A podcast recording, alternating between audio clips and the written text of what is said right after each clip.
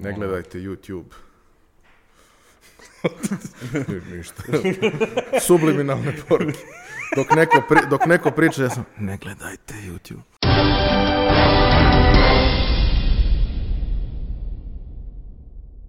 Dobro, došli nazad u Žiška podcast. Danas nam je u gostima Ivan uh, Minić, koji kao Stefan i ja, koji smo takođe u podcastu, je na intermittent fastingu. To vam je ono kada jedete samo u određenom periodu dana. Konkretno nas trojica svi jedemo jednom dnevno i kad jedemo, jedemo velike obroke, a kad snimamo podcaste, snimamo velike podcaste. I um, ovaj podcast će trajati dva i po sata, u njemu ćemo pričati o mnogim stvarima. Uh, pričat ćemo o intermittent fastingu, kako to izgleda kada jedete jednom dnevno, pričat ćemo o tome kako izgleda, kako uopšte dođete do toga da imate 188 kg. Pričat ćemo o tome uh, kako stres na poslu utiče na vaše zdravlje, utiče na vašu ishranu i utiče na vašu kilažu i pričat ćemo kako da se nosite sa time Ove, a sve to ćete čuti u narednih dva i po sata, što ne treba da vas plaši, postoji onaj rewind button, verujte mi da a, u, ovaj, post, toliki je podcast zato što postoji toliko različitih tema s kojima smo se ba, hteli da se pozabavimo i koje su nam bile interesantne ove, i, i mislim da će biti i vama i zato pogledajte, odnosno poslušajte. Ajmo prebrojavanje, ko je ovde doktor? Ja nisam.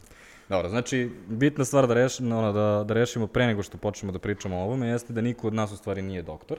Znači, mi smo tri obična lika koji ovo rade, je li tako? Da, donekle, I, da. Ovaj, prenosimo samo lična iskustva, uh, međutim, pošto smo, naravno, pošto imamo podcast, pokušali smo da nađemo nekog doktora koji bi nam se ovde priključio i, međutim, nismo uspeli ništa ovaj, da nađemo. Ovaj, takođe, Um, ovaj, uspeli smo da pronađemo gomilu informacija na internetu. Uh, intermittent fasting je onako jedna kulturalna stvar trenutno ono, na zapadu. Između ostalog, zabavno je, uh, pošto ja kad istražujem bilo koju temu, ja prvo tražim podcaste na tu temu. Postoji 30 podcasta na Google podcastu koji su posvećeni isključivo intermittent fastingu. Ne epizoda podcasta, nego kao celih podcasta koji se samo bave ovom temom. Međutim, kod nas jako malo ovaj, ljudi uopšte polo pokušava i nismo mogli da nađemo doktora koji bi bio spreman da podrži nešto ovako, ali tako? Pa nismo mogli da nađemo doktora i generalno moje neko iskustvo je da te neke nazovimo to inovacije, iako realno mislim ne, ne pričamo o inovaciji, ali neki novi trendovi kod nas značajno zakasne kad su te stvari u pitanju i da su uglavnom naši doktori prilično old school za, za sve te stvari. Mislim, pre nego što sam krenuo sa, sa ovim, a pričat ćemo više o tome kasnije, ja sam prošao celu neku ono priču i po raznim lekarima i tako dalje, pre svega iz razloga prevencije, ono kao 30 godina, pa kao, ajde vidimo šta se dešava, da ne bi s 40 godina bio ja u kuku. Ovaj, I generalno sam stekao vrlo loš utisak o, o, o svemu, a, iako kao znaš, pri, privatno zdravstveno ne razmišljam o troškovima toga svega. Kad bih razmišljao, sigurno bi bio još, još ovaj, negativniji po tom pitanju. I shvatio sam da u dosta velikom procentu slučajeva to funkcioniše najbolje kada ideš na preporuku, što ne bi smelo da bude slučaj, ali jeste. Uh, i ono, sistemom ovaj, eliminacije sam došao do, do rešenja za koji mislim da, da, da je okej. Okay. Ovaj, s tim da to nisam napisao u onom tekstu kao koji, koji je verovatno povod što sam ovde, ali e, moment kada je meni kao okinulo ovaj, da, da treba suštinski ovaj, da, da probam da se pozabavim ovim ponovo na malo ozbiljniji način, je moment kad su krenuli da me zezaju alergije respiratorne i kao obišao sam par lekara i kao nije ti ništa i tako dalje, kao nije, ne, nije mi ništa, imam ozbiljan problem, naročito noću, ovaj, os, jako loše spavam i osjećam se gušim. I odem slučajno ovaj, kod jednog uh, veoma neobičnog ovaj, uh, orla i on me sasluša, reši mi problem za 7 dana, bukvalno terapijom i objasni mi kako nadalje, kojom dinamikom treba da se viđamo, jer nikad pre toga nisam imao nikakav problem sa alergijama. I ovaj, na, na, na izlasku, a, znači ne nakon prvog pregleda, već nakon kontrole i kad je sve bilo okej, okay, na izlasku, pošto je vrlo neposredan i izuzetno prijatan, ovako iako prilično neobičan, on me onako potapše po ramenu ko stariji burazir i kaže, Ivane, povedite malo računa, crći ćete. I, znaš, kao, kako da ne poslušaš čoveka koji ti kaže tako nešto. Tako da. Dobro, ali um, ono što je bitno da naglasimo, znači ako je neko u bilo kojoj od uh, ono, grupa koje moraju posebno da se paze i to između ostalog uključuje i um, klince koji nisu još uvek raz, ono, se razvili do kraja, kao mi ne možemo da, vam, da im preporučimo da se bave ovim o čemu ćemo danas pričati. Ako ste trudni, ako imate nekih drugih zdravstvenih problema, obavezno se konsultujte sa lekarom pre nego što ono, radikalno menjate iskreno što je ovo što ćemo da, danas takođe pričati. dijabetičari koji primaju insulin, oni nikako ne smiju da rade ovo. A, to je stvar koju sam pročitao. Da, Nisam ovaj- doktor, ali sam pročitao da nikako to ne smije da rade.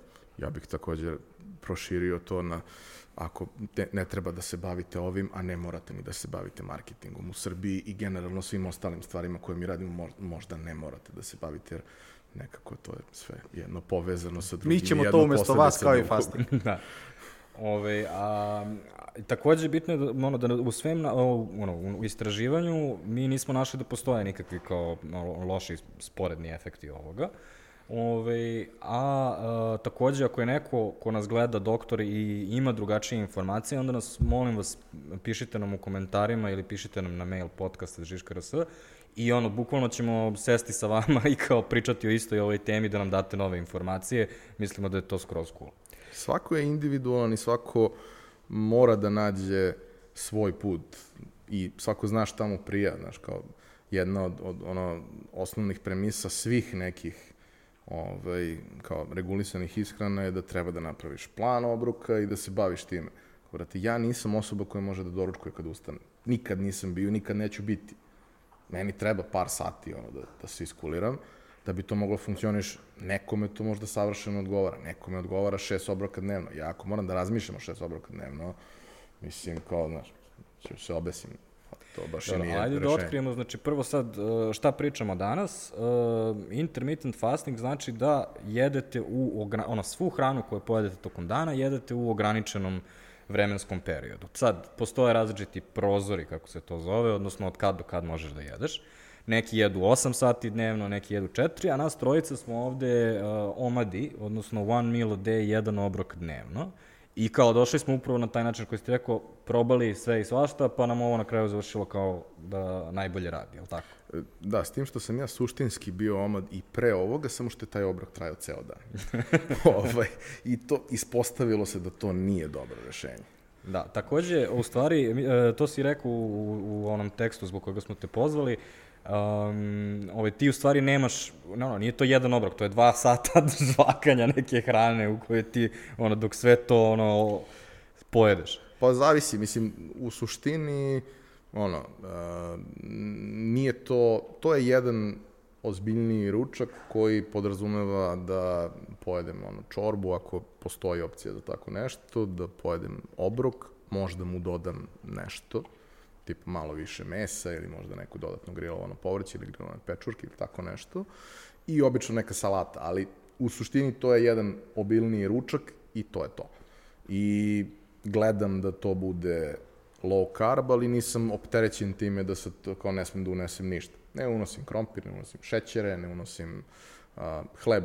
Ako da, onda vrlo minimalno, ako je prilog nekakav pirinač, da, verovatno ću pojesti malo, ali suštinski ne, ne zalazim u, u ovaj, teritoriju koja može da mi bude problem. I uh, častim sebe svaki vikend, pojedem jednu porciju lubenice, Ove, s tim što ovaj vikend nisam stigao i sad jedva čekam sledeći vikend. Ove, ali generalno, ono, e, mnogo iskustva sa ovakvim stvarima prethodno, mnogo nekih negativnih iskustava, najveći problem, ono, recimo, pre par godina sam imao intervenciju prijatelja i kad se prijatelji skupe, a ovi moji su se skupili bukvalno sa ono, svih tačaka zemljene kugle, ono, malo me rasplakali i tako dalje. Ovaj, I kao sad bi ti morao nešto da uradiš, odnosno konkretno rečenica je bila ti samo treba da kažeš da želiš da budeš načka kučka narednih šest meseci i ja sam rekao, dobro.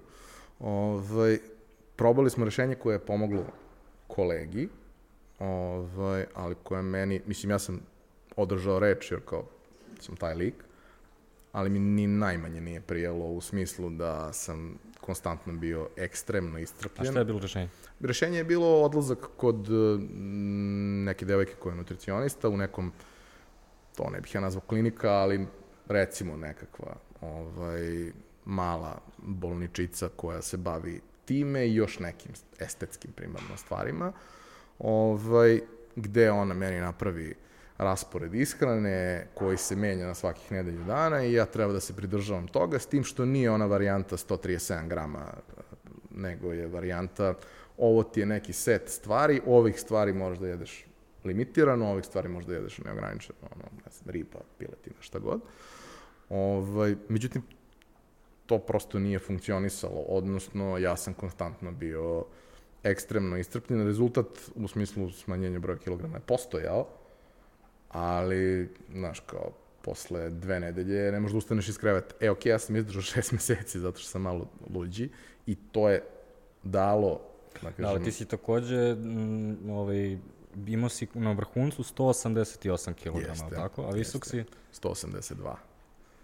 Ove, znači, ono, i takođe si pomenuo da ti je ono, doktor je uradio jednu intervenciju i tvoji prijatelji su uradili intervenciju. Tako kako je, si da. uopšte došao do toga da, ono, kako se prvo, ono, da li je bilo ono, radio si naporno ka tome i konačno si uspeo, ili je onaj trenutak kao probudio si se samo jednog dana i kao, uj, bok te mazu? Nisam se probudio jednog dana i kao, bože, kako se ovo desilo. Ovo, iako Da, nisam bio potpuno svestan da to ide u tom smeru. Nije to u tom trenutku, ja nisam bio na, na, na nekoj maksimalnoj kilaži, ali kao što sam i rekao u tom tekstu, ja sam se ugojio tipa 75 kila za godinu dana.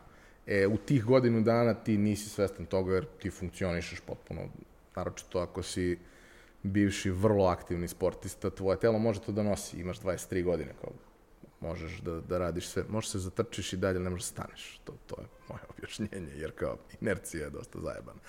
Ovaj, ali ni, generalno znam primere ljudi koji su znam mnogo ljudi, naročito žena koje kažu ja ne znam kako se ovo desilo. E, ja znam tačno kako se desilo. Znači, to uopšte nije, nisam u fazonu kao jao, kako sad? Ne, brate, uh, suštinski prestao sam da se bavim sportom kojim sam se kao i manje više svim stvarima do kojih mi je stalo u životu bavio ekstremno, vrlo ekstremno posvećeno i promenio sam suštinski potpuno ishranu jer sam prestao da jedem kući pripremljenu hranu sa nekim izletima tu i tamo i prešao na to da radim 18 sati dnevno iz kancelarije oko koje postoje samo pekare.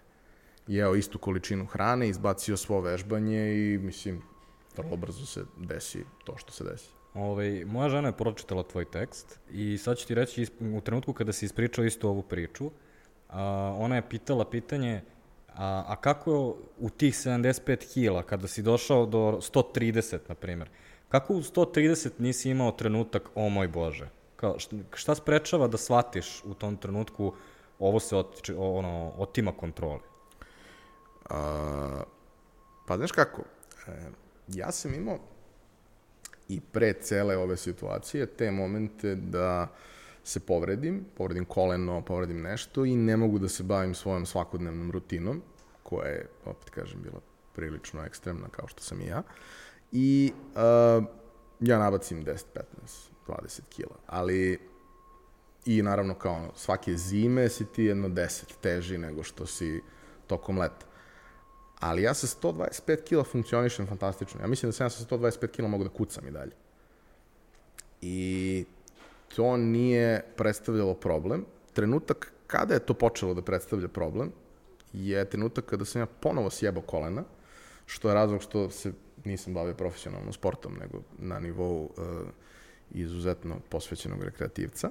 A sjebao sam koleno, uh, imam drugu najgluplju sportsku povredu za koju znam. Uh, prva najgluplja sportska povreda potiče e, preko mojih prijatelja koji su iz grada iz kog je tvoj e, suosnivač i partner, a tamo su veoma neobični ljudi.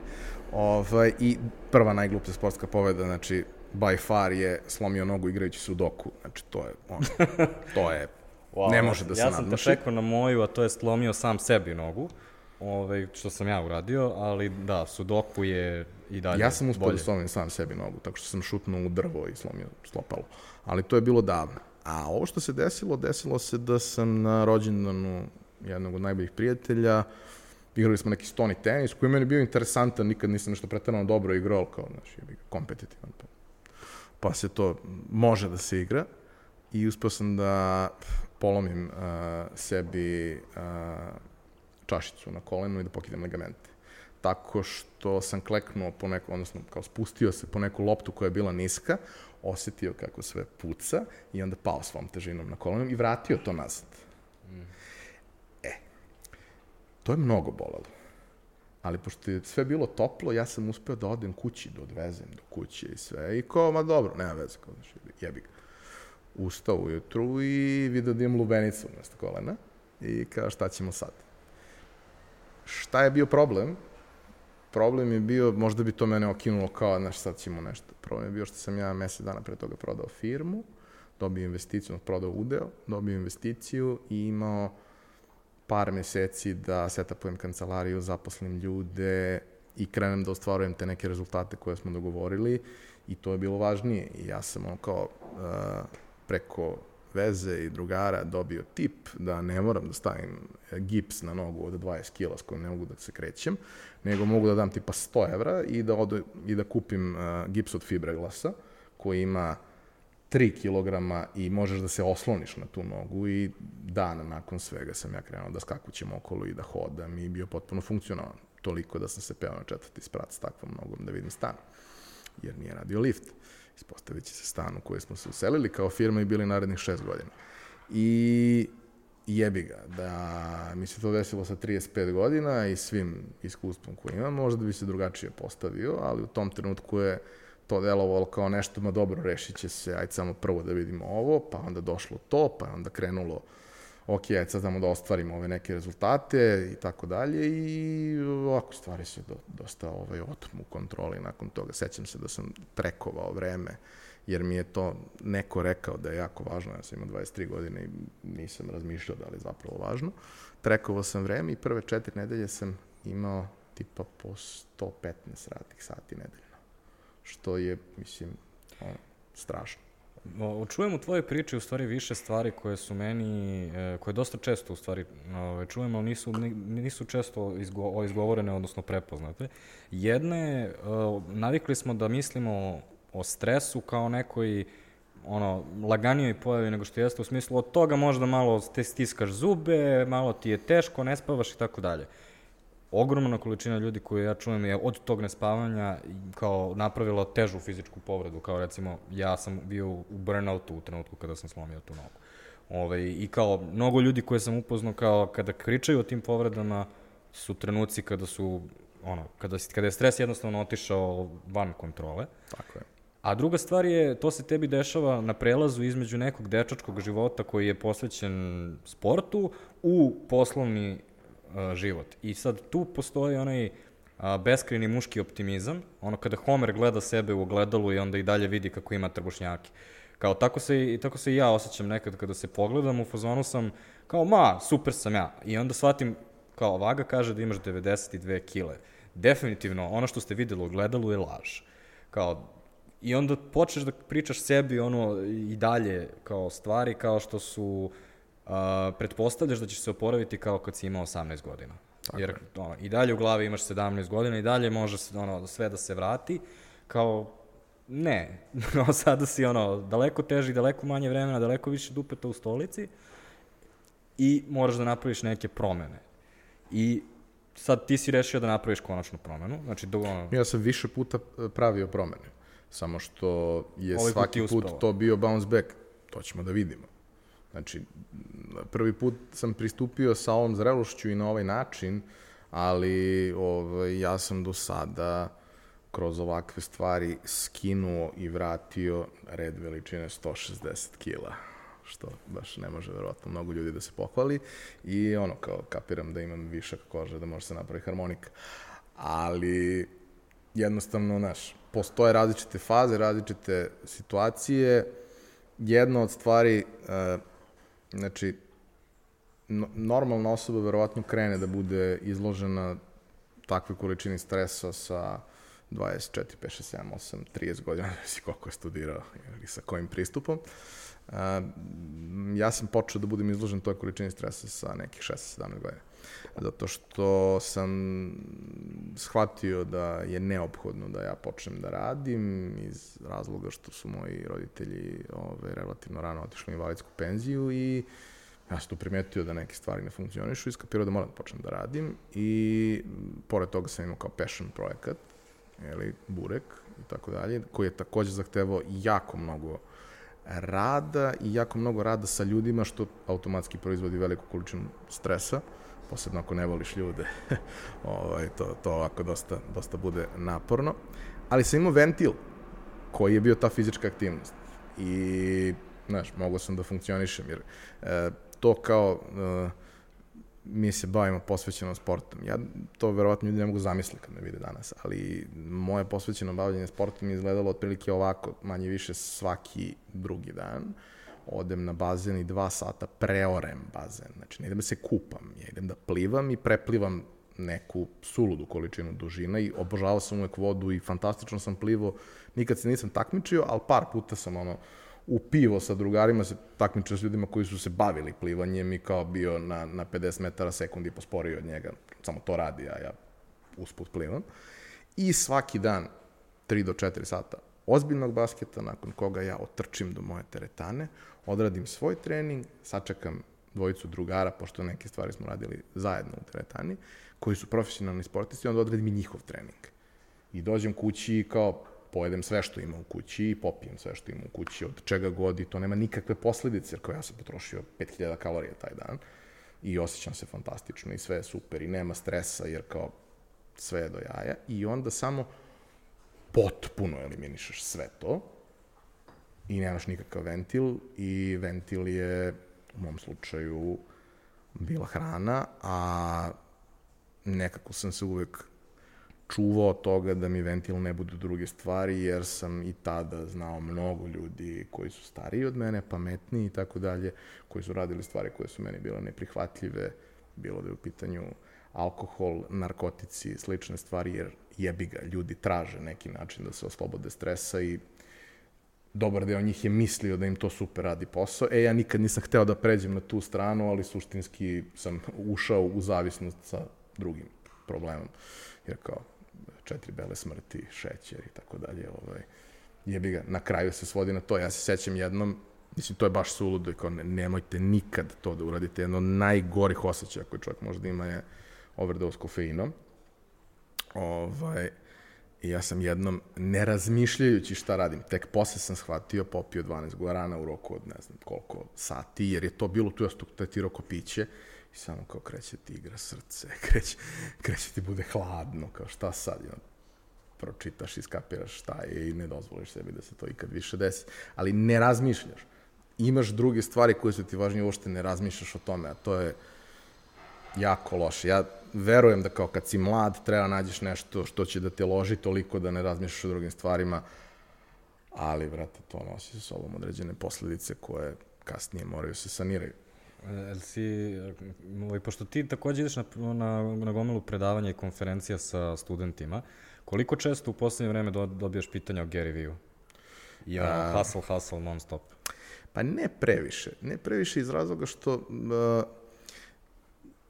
ja sam jedno vreme kao to primarno držao um, razne neke marketinške teme koje su klincima bile interesantne, tražio neke zanimljive uglove, manje više tražio način da ih zainteresujem za marketing, ali ne ono pričom da je sve kao u momcima sa Madisona, nego pričom da ti to zapravo nudi mogućnost da se zaista kreativno izraziš i da to rezultat toga ukoliko je dobar ti donese nekakav finansijski moment koji je, koji je pohvalan, pošto kao možeš se baviš umetnošću ako te to loži, ali nije baš uglavnom održivo skoro sve. Ovaj, I to je bila prva priča. Posle sam se primarno bavio preduzetništvom i nisam imao mnogo takvih slučaja. Ok, kad, kad odem na fond, da, dešava se. Ovaj, ali ne, ne previše. Mnogo više je to uh, bio moment da, uh, ono, ja kad završim tu neku priču, a baš su me mnogo zvali, to mi možda govori da, da ljudima to zapravo bilo interesantno, otprilike kao 30% ljudi nije slušalo ništa i ne zanima ih, uh, 30% ljudi u fazonu ovaj čovjek je bog, a 30% ljudi u fazonu uh, sad ću se obesim. Tako da, ove, jer ja imam taj generalno no bullshit pristup. Ja nisam u fazonu, sad ću ja ti dam šargarepu, te navučemo ovo, onda ćemo te zlostavljamo. Ne, ne, ne, ja ću ti kažem odmah da će te zlostavljaju, ali ću da ti objasnim kako možeš da voliš to. ako ti je, ono, ako voliš takve stvari, kako može da ti zapravo bude lepo u svemu tome. I jako, mislim, znaš, kao i kroz pojačalo, vrlo često, kao, pošto je to ovde, to ne sme se kaže nikad ljudima kao ulaze u preduzeće, ne smeš da im kažeš da mogu da failuju. Je kao, meni je potpuno okej okay da ti odslušaš ovo ili dođeš da pričaš sa mnom i zaključiš da ne treba da uđeš u to. Mnogo je bolje da zaključiš pre nego što uđeš da ti to ne treba ili ti možda ne treba sada, nego da uđeš i onda uništiš sebi život zato što kao nisi spreman za to, ne znaš tačno šta radiš, ne znaš šta su stvari koje te čekaju. Tako da, moj pristup nikad nije bio ono, go all in, nego je moj pristup rizik je neophodan, proračunati rizik i kao što više akumuliranog znanja i iskustva imaš, manje su šanse da ćeš da napraviš grešku, ali ćeš i dalje da je napraviš, ja ih pravim stalno. I mislim da onda klinci to ne asociraju sa, sa varijantom ovaj, hipi varijantom koje, iza koje ovaj gospodin Geri stoji. Ja sam, mislim da je od uvek postao taj, taj uh, mit da um, kao da moraš da se predaš poslu apsolutno i recimo baš sam skoro čitao ovaj Davida Ogilvija Confessions of an Advertising Man u kome on Odlično. u stvari počinje taj ovaj, mit i on kreće se time, a, nažalost kad uđete u marketing vi ste 24 sata na pozivu, ja sam u fazonu, zašto, šta kao, TV reklama mora se snimi u 11 uveče sada, ako naši klupci ne, ne čuju, kupite kao on, baš u ovom trenutku, sve će propasti, kao ne, sve, svi ti rokovi su naravno ono, fiktivni, sve su to neke ono, posledice neke organizacije koje mi imamo. I sad, um, ono što, što mene brine u celoj toj priči je što ja vidim kao da neki klinci kao prvu informaciju do, do, ovaj, dobijaju ono, trudi se do besvesti, što ih vodi u hustle, što ih često vodi u burnout, bez toga da, da, da im se u, takođe utuvi u glavu um, vrednost toga da rade na pametan način. I da cene sebe i da cene svoje fizičko zdravlje, što, recimo, ti si rekao 12 guarana, Ovaj, za mene je ta slika uh, jedna koleginica sa kojom smo radili, koja je bila na Exitu, i onda je poslovno trebala da ide na Love Fest i onda se pojavila u kancelariji uredno u 9 ujutru sa snickersom i guaranom. To je bio njen doručak. E, I ono, pre nego što sedne ovaj, ono, sa vozačem i ide u vrnjačku banju. I ja sam, ja sam tad rekao kao, e, sad si preterao, znači do sad je bilo zabavno, kao sad stvarno preteruješ, ovo će da ti traje još tri godine, za tri godine ko zna šta će da bude sa tobom. Znaš kao, gde je tri godine? I, dobro, dođu, ovaj, mi smo se ulupali ovaj, u, u nekim trenucima, I kako ste otkrili uopšte, aj prvo da definišemo kako se ovo zove, pošto ga mi, mi ćemo ga zvati intermittent fasting, ubiše nas svi od zajebavanja da smo, da ne znamo srpski i da kao pričamo samo engleski, ali ovo zaista nema neki dobar prevod, je li tako? Periodični post. Periodični pa, post, ja? Ali da li to izgovaraš često? Ne, ja, ne, ja generalno ne pričam o ovom. Mislim, ja generalno ne izgovaram mnogo. Ne, da li pomišljaš, a, sad, sad sam na periodičnom postu. Ja ne pričam o tome. Znači, mislim, ljudi u mom okruženju nisu neposrednom okruženju, nisu pretarano zainteresovani za m, način, zainteresovani su za rezultat, apsolutno, i imaju svašta da pitaju. I dosta njih je u nekom prethodnom periodu nevezano od mene, krenulo sa ono, 8-16 varijantom ili nečim sličnim. Ali ja ne pričam previše o tome neposrednom krugu ljudi, ali dosta pišem o tome zato što me gomila ljudi pita za savete. I mislim, razlog zašto sam ja uopšte napisao, mislim, savete, vrate, mogu te posavetujem oko nekih drugih stvari, ovdje mogu ti kažem moje iskustvo i moja negativna iskustva, pa ti onda probaš, vidiš da li ti to odgovara, ali uvek uz nadzor lekara, uz sve što uz to ide, jer ni ja lično ne bih ulazio u to bez nekog predznanja i ličnog i, i ljudi koji potvrde da je to okej. Okay. Ovaj, a, razlog zašto sam ja što je to napisao je to što me je dosta kolega, prijatelja, ljudi do kojih mi je zaista jako mnogo stalo, sa kojima se možda ne viđam svaki dan, odnosno kako je korona, nikad, ovaj, ali se često čujemo, pitalo šta da radi, jer je kao posledica celog ovog perioda za većinu njih došlo još nagomilanog stresa, nagomilane anksioznosti, naročito ove što imaju decu ovaj, zarobljeni s decom par meseci, kao pa neko pita, a što oni idu na odmor, kao pa bili su par meseci kući. Zato. Zato što imaju dvoje dece i to je kao da si u džungli dva meseca. Ovaj, dosta ljudi je krenulo sa nekim pitanjima kako su se stvari malo normalizovale, krenule ka, ka, ka nekoj normali. Dosta njih je došlo sa nekim pitanjima kao, brate, ok, hoću nešto, naložen sam, hoću da probam, šta, kako, šta su tvoje iskustva, koga preporučuješ od ono kao lekara da se sa njima priča i tako dalje. I pošto me to bukvalno pitalo 10 ljudi u mesec dana, kao, ok, ajde ja da napišem, pa ja sam razmišljao kad sam kretao, uh, kao, razmišljao sam da krenem da snimam dnevnik. Sad, da li bi ga objavljivo, to je veliko pitanje, ali da krenem da snimam dnevnik ili da pišem dnevnik, međutim, previše obaveza, previše svega, skapirao sam da ne bi mogo to da radim kako treba, a nije poenta da ga radim, da ga otaljavam svaki dan. I onda kao, ajde da ja u tim ciklusima koliko često idem kod doktorke, napišem šta se dešavalo u tom periodu, jer to negde daje ljudima mogućnost da malo kao pregledaju celu stvar. Nema loženja, nema tog momenta kao, znaš, kao sad ovo je ludilo, kao, znaš, posle 7 dana, brate, ovo je super. Ne, ne, ne. I prvi post je napisan nakon suštinski mesec dana. Ovaj, ne zato što kao ja sad eh, nisam siguran šta će da bude, pa mora da postoji rezultat, pa ne, ne, ne, ne hoću ja da vidim kako, kako će šta da funkcioniše, da bi mogo da sa neke distance dam sud o svemu tome.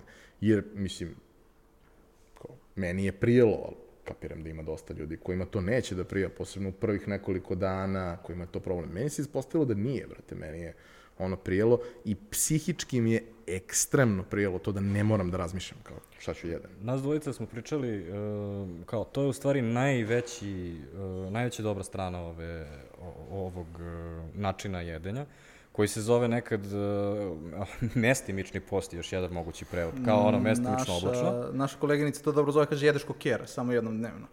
Tako Ali ceo dan. Da. da. A imaš i, imaš i gladovanje, se nekada prevodi. Ove, čisto zato što ono, i dalje su ljudi ono dosta pogubljeni, malo ljudi uopšte ovo radi. Ali glavna stvar koja mene iznenadila je kao koliko je ovo jednostavno i prirodno. Pošto ja sam, ono, takođe sam pokušao da, ono, da imam razne dijete, ali ovo je, ono, bukvalno, ja, ja nisam ni imao prozore. Ja sam, ono, meni, meni su rekli kao, aj pokušaj ovo, ja se prvi dan uplašio se, Zamisli, mogu da jedem samo 8 sati. Otišao ja na ručak, pojao sve što sam video i kao do kraja dana bio super, kao šta me briga, kao ono, sve super i kao na, nastavio. I tako ne, da sam ja odmah počeo. Ja nisam tako, ja sam počeo prvo ono 16-8, uh, 8 sati jedem, 16 sati ne. I ja sam neko ko mora da doručkuje ujutru. Bio sam neko ko je morao da doručkuje ujutru čim ustanem. I onda kao, ok, probudim se, doručkujem i tad počinje moj tajmer. I onda sam se jednog dana probudio i rekao, pa ja nisam gladan. Zašto bih morao sad da jedem? Samo zašto sam navikao. I onda sam počeo da slušam svoje telo. I onda se taj prozor smanjivao, smanjivao da bi došao na neka 4 sata.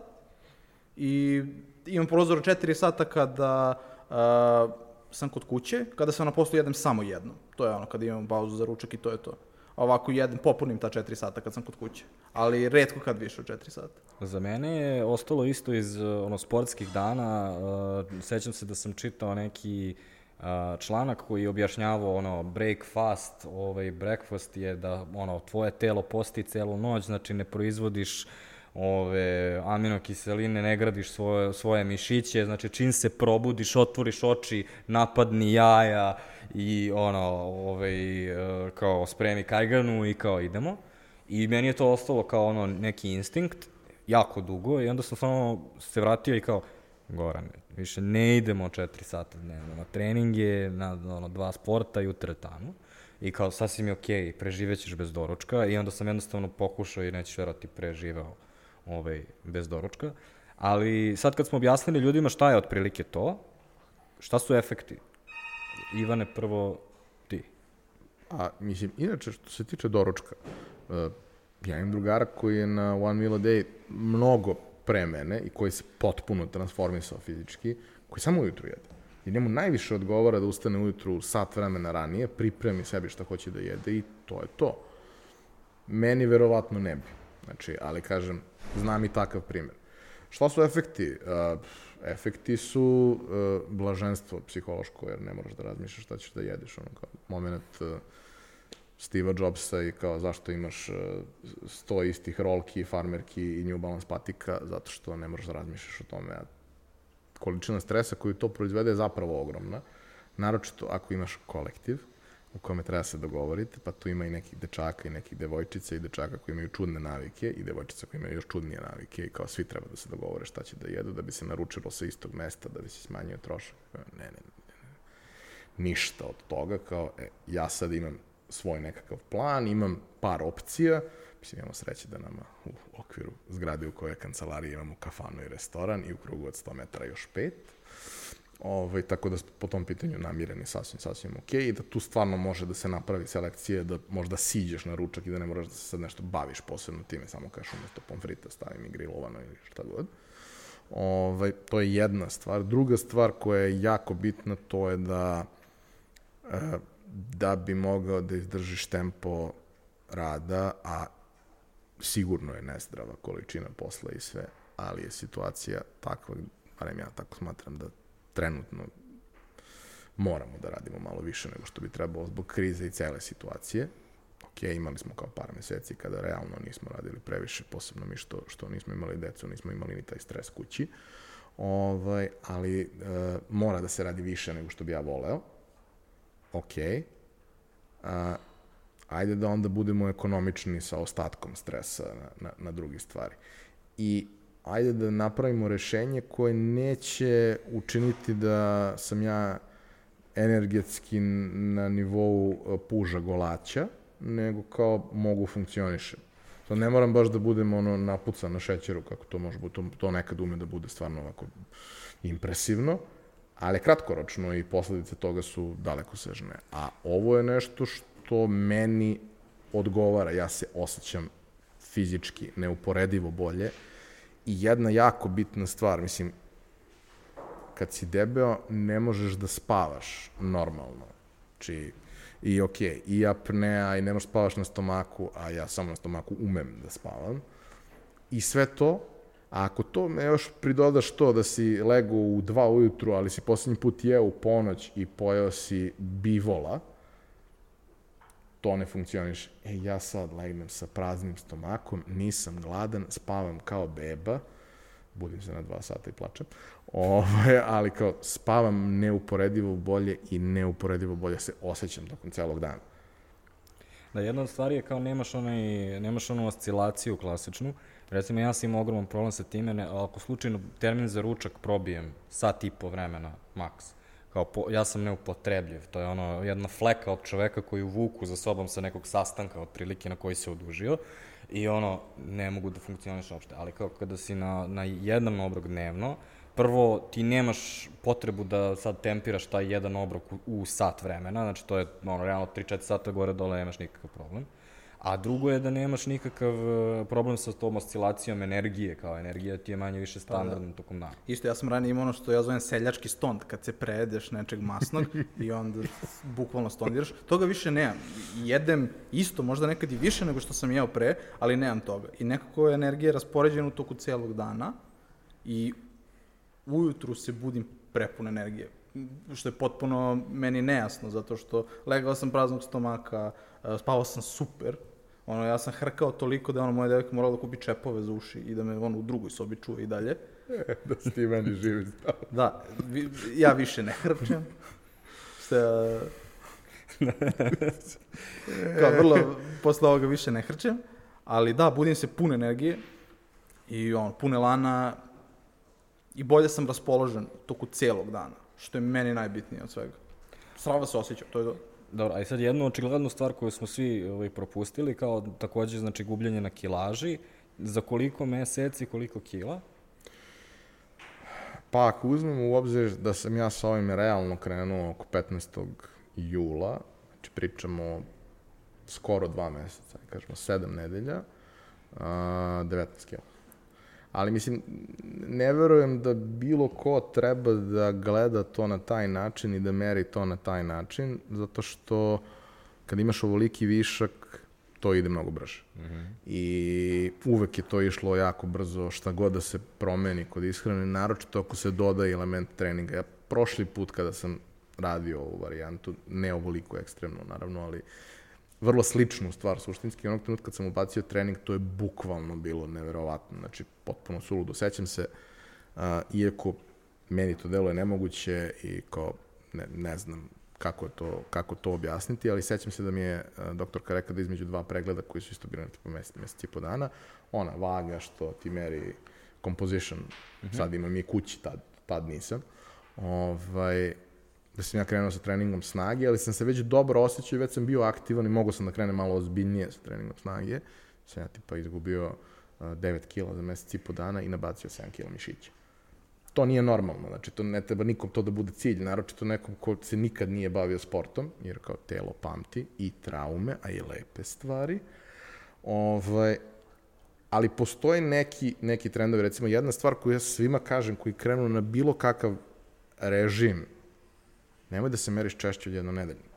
Zato što, kao, brate, fluktuacije na nivou dana mogu da budu vrlo značajne, ovaj, a e, ljudi padnu bre u depresiju oko takvih stvari. Kao, koga briga? Briga je jedino to da kao imaš trend koji je okej okay nakon mesec, dva, tri, u mikro e, vremenskom intervalu je potpuno nebitno šta se dešava. Danas si zadržao malo više vode, danas ti još variš to što si jeo, šta god, brate, koga briga. Ali isto tako, recimo, verujem da i ja nisam lik za, za cheat dejeve. Mislim, okej okay mi je da sebe nagradiš nečim, kao ja sebe lubenicam svaki vikend, ne to. Ovaj, ali nisam lik koji veruje u cheat dejeve, uh, znam sebe, ono kao, znaš, sećam se ona uh, Orange County Choppers, kad, kad objašnjavaju svoju priču i kao, kad Čale, ovaj, koji jel, ima sve svoje karakteristike koje su vrlo ovako zanimljive i odlične za reality TV, kad kaže, uh, I had an addictive personality. E to. Da. Znači ono kao, uh, marker za whiteboard, ja mogu da se navučem na to ako mi se svidi whiteboard i da to bude strašno, trošim 20 markera nedeljno. E, uh, tako mislim da kao ako kreneš da praviš neke prevelike ustupke, vrlo brzo ustupci postanu 30%, 50%, 70%, a onda više to nema nekakvog smisla. Da, postoji ona je... iluzija kontrole koju ti imaš i što više u suštini, ja sam imao taj problem, kao ja sam dosta, ja sam znao šta ja treba da uradim, u smislu treba da jedem bolje i ovaj, znao sam da, ovaj, pošto u to vreme, baš kada sam ovaj, dostigao vrhunac koji je bio 92, ovaj, a, Da, ja sam dosta niži od vas dvojice, znate. Znam da se to Verujem ne vidi na kamerama, vi tamo zamišljate u nekog gorostasa, ali kao da ja sam samo metar iz razreda škumska, škumska jagoda. Da? Da. Ove, u tom trenutku sam takođe radio treninge snage. Ove, znači, ono, to je bilo četiri ponavljanja, ove, ono, bench od, ono, minimum 100 kila i tako dalje. Ove, I sve to sam znao da u suštini mene goji na neki način.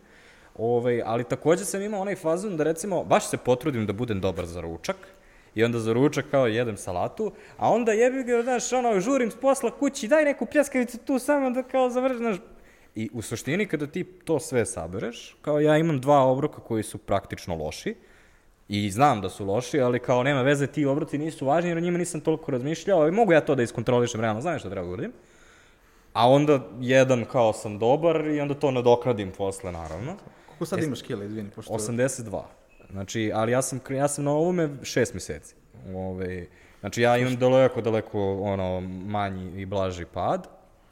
Ove, ali kažem ti, moje, ja sam ubeđen da ono što, između ostalog nas dvojica, pošto kad idemo zajedno na ručak, on jede mnogo manje od mene, ali mnogo manje. Ove, međutim, ono što je glavna stvar koju sam ja uspeo jeste što ja jedem daleko stravije. Znači, recimo, ja počinjem svoje obroke sada sa voćem, koje proždirem u količinama, znači nije kao uzmem krišku pomoranđe i ja sam sad jeo voće. Ne, ne, to je ono, pomerite se, ide gajbica i kao ja idem da jedem. I onda ono jedem stvari koje su ono povrće, kvalitetno meso i tako dalje. Ove, nemam opcije da uh, napravi, samo napravi sendvič. Nemam opcije daj nešto iz frižidera. Znači, te sve stvari sam izbacio i onda je logično da kao trenutno jedem praktično dosta zdravije. A ti si takođe skinuo koliko? Ja sam 25 kila za neka 3,5 meseca, 4. Uh, od toga je najveći deo bio prvih mesec i po i onda se to onako polako, ja sam počeo da gubim sve manje i manje. Poslednje dve nedelje sam bio na odmoru i nisam bio na fastingu i nisam se ugojio. Ostao sam na istom pre nego što sam uh, krenuo na odmor. Uh, sad se opet vratio na režim, iskreno ono vrlo lako, kao sve je cool. Uh, da, sad gubim oko pola kilograma nedeljno, na primjer, to je neki pola kilograma, nekad malo više, do kilograma, što isto i dalje jako ono, super uh, količina koju možeš da izgubiš za nedelju dana, pritom ono, nisam gladan, ne gladujem, pogrešno se kod nas kaže ono gladovanje, periodično jer nisam gladan, ne gladujem. Ja jedem koliko god mislim da meni treba, dok se ne najedem i to je to. A izgubio sam dosta. Ali kilaža je znači samo ono najgrublja mera. Ono što je meni najzanimljivije bilo u tvom članku je ti si ovaj, takođe uradio test krvi posle toga, odnosno test da, onih da. bazičnih svih mera. Pa, m, moj program sa, sa doktorom, bože koliko to zvuči retardiran, Ove, na način na koji smo radili onog trenutka kad sam ja skapirao da imam insulinsku rezistenciju, a što skapiraš na osnovu određenih prilično iritantnih stvari koje ti se dešavaju, najviše to da pojedeš ručak i onda kljokneš i nesposoban si za funkcionisanje narednih sat vremena i kao meni se dešavalo da zaspim za laptopom držeći glavu, to je baš onako strašno. I uspevao sam nekih dana i da radim kroz to, ali to je baš, baš mučenje. A šta je tačno, izvini, insulinska rezistencija? Mi, mislim, ja sam nešto kao čitao o tome, to je kada ćelije odbijaju da e, postoji otpor na insulin, ne, ne dozvoljava mm, insulinu da radi svoj posao. Nisam endokrinolog i ne bih mogao da ti kažem to stručno, ali suštinski kada ti telo ne ruči dovoljno insulina da ti možeš da funkcionišeš na normalan način. Ako je insulinska rezistencija, to znači da te telo još uvijek luči neki insulin, znači da nije point of no return, kad je point of no return da imaš diabetes. A, ali ne luči ga dovoljno, to lučenje insulina može da se stimuliše terapijom, može da se stimuliše ishranom, ako vodiš računa, zavisi od slučaja do slučaja, naravno, ali možeš da dođeš u fazu da ne moraš više da piješ terapiju. Ja sam došao bio u fazu, jer sam prošli put kada sam ovaj, bio na drugačijem modelu ishrane i treningu i tako da si išao na tipa 135, sad sam na 145 imam još dosta, dosta da radim, naravno.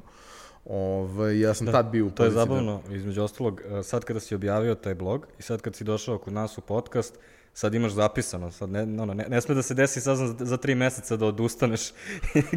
Vidi, ja sam već jednom, a ima to jedno, ja mislim, 8 godina ili 9 godina, kao objavio krećem i opet to kao daš podrška i sve to i mislim to je opet funkcionisalo super, ja nikad nisam odustajao onako posle dve nedelje ne mogu, teško mi je, ne, sam uvek izgurao šest meseci i uvek sam skinuo 40 kila.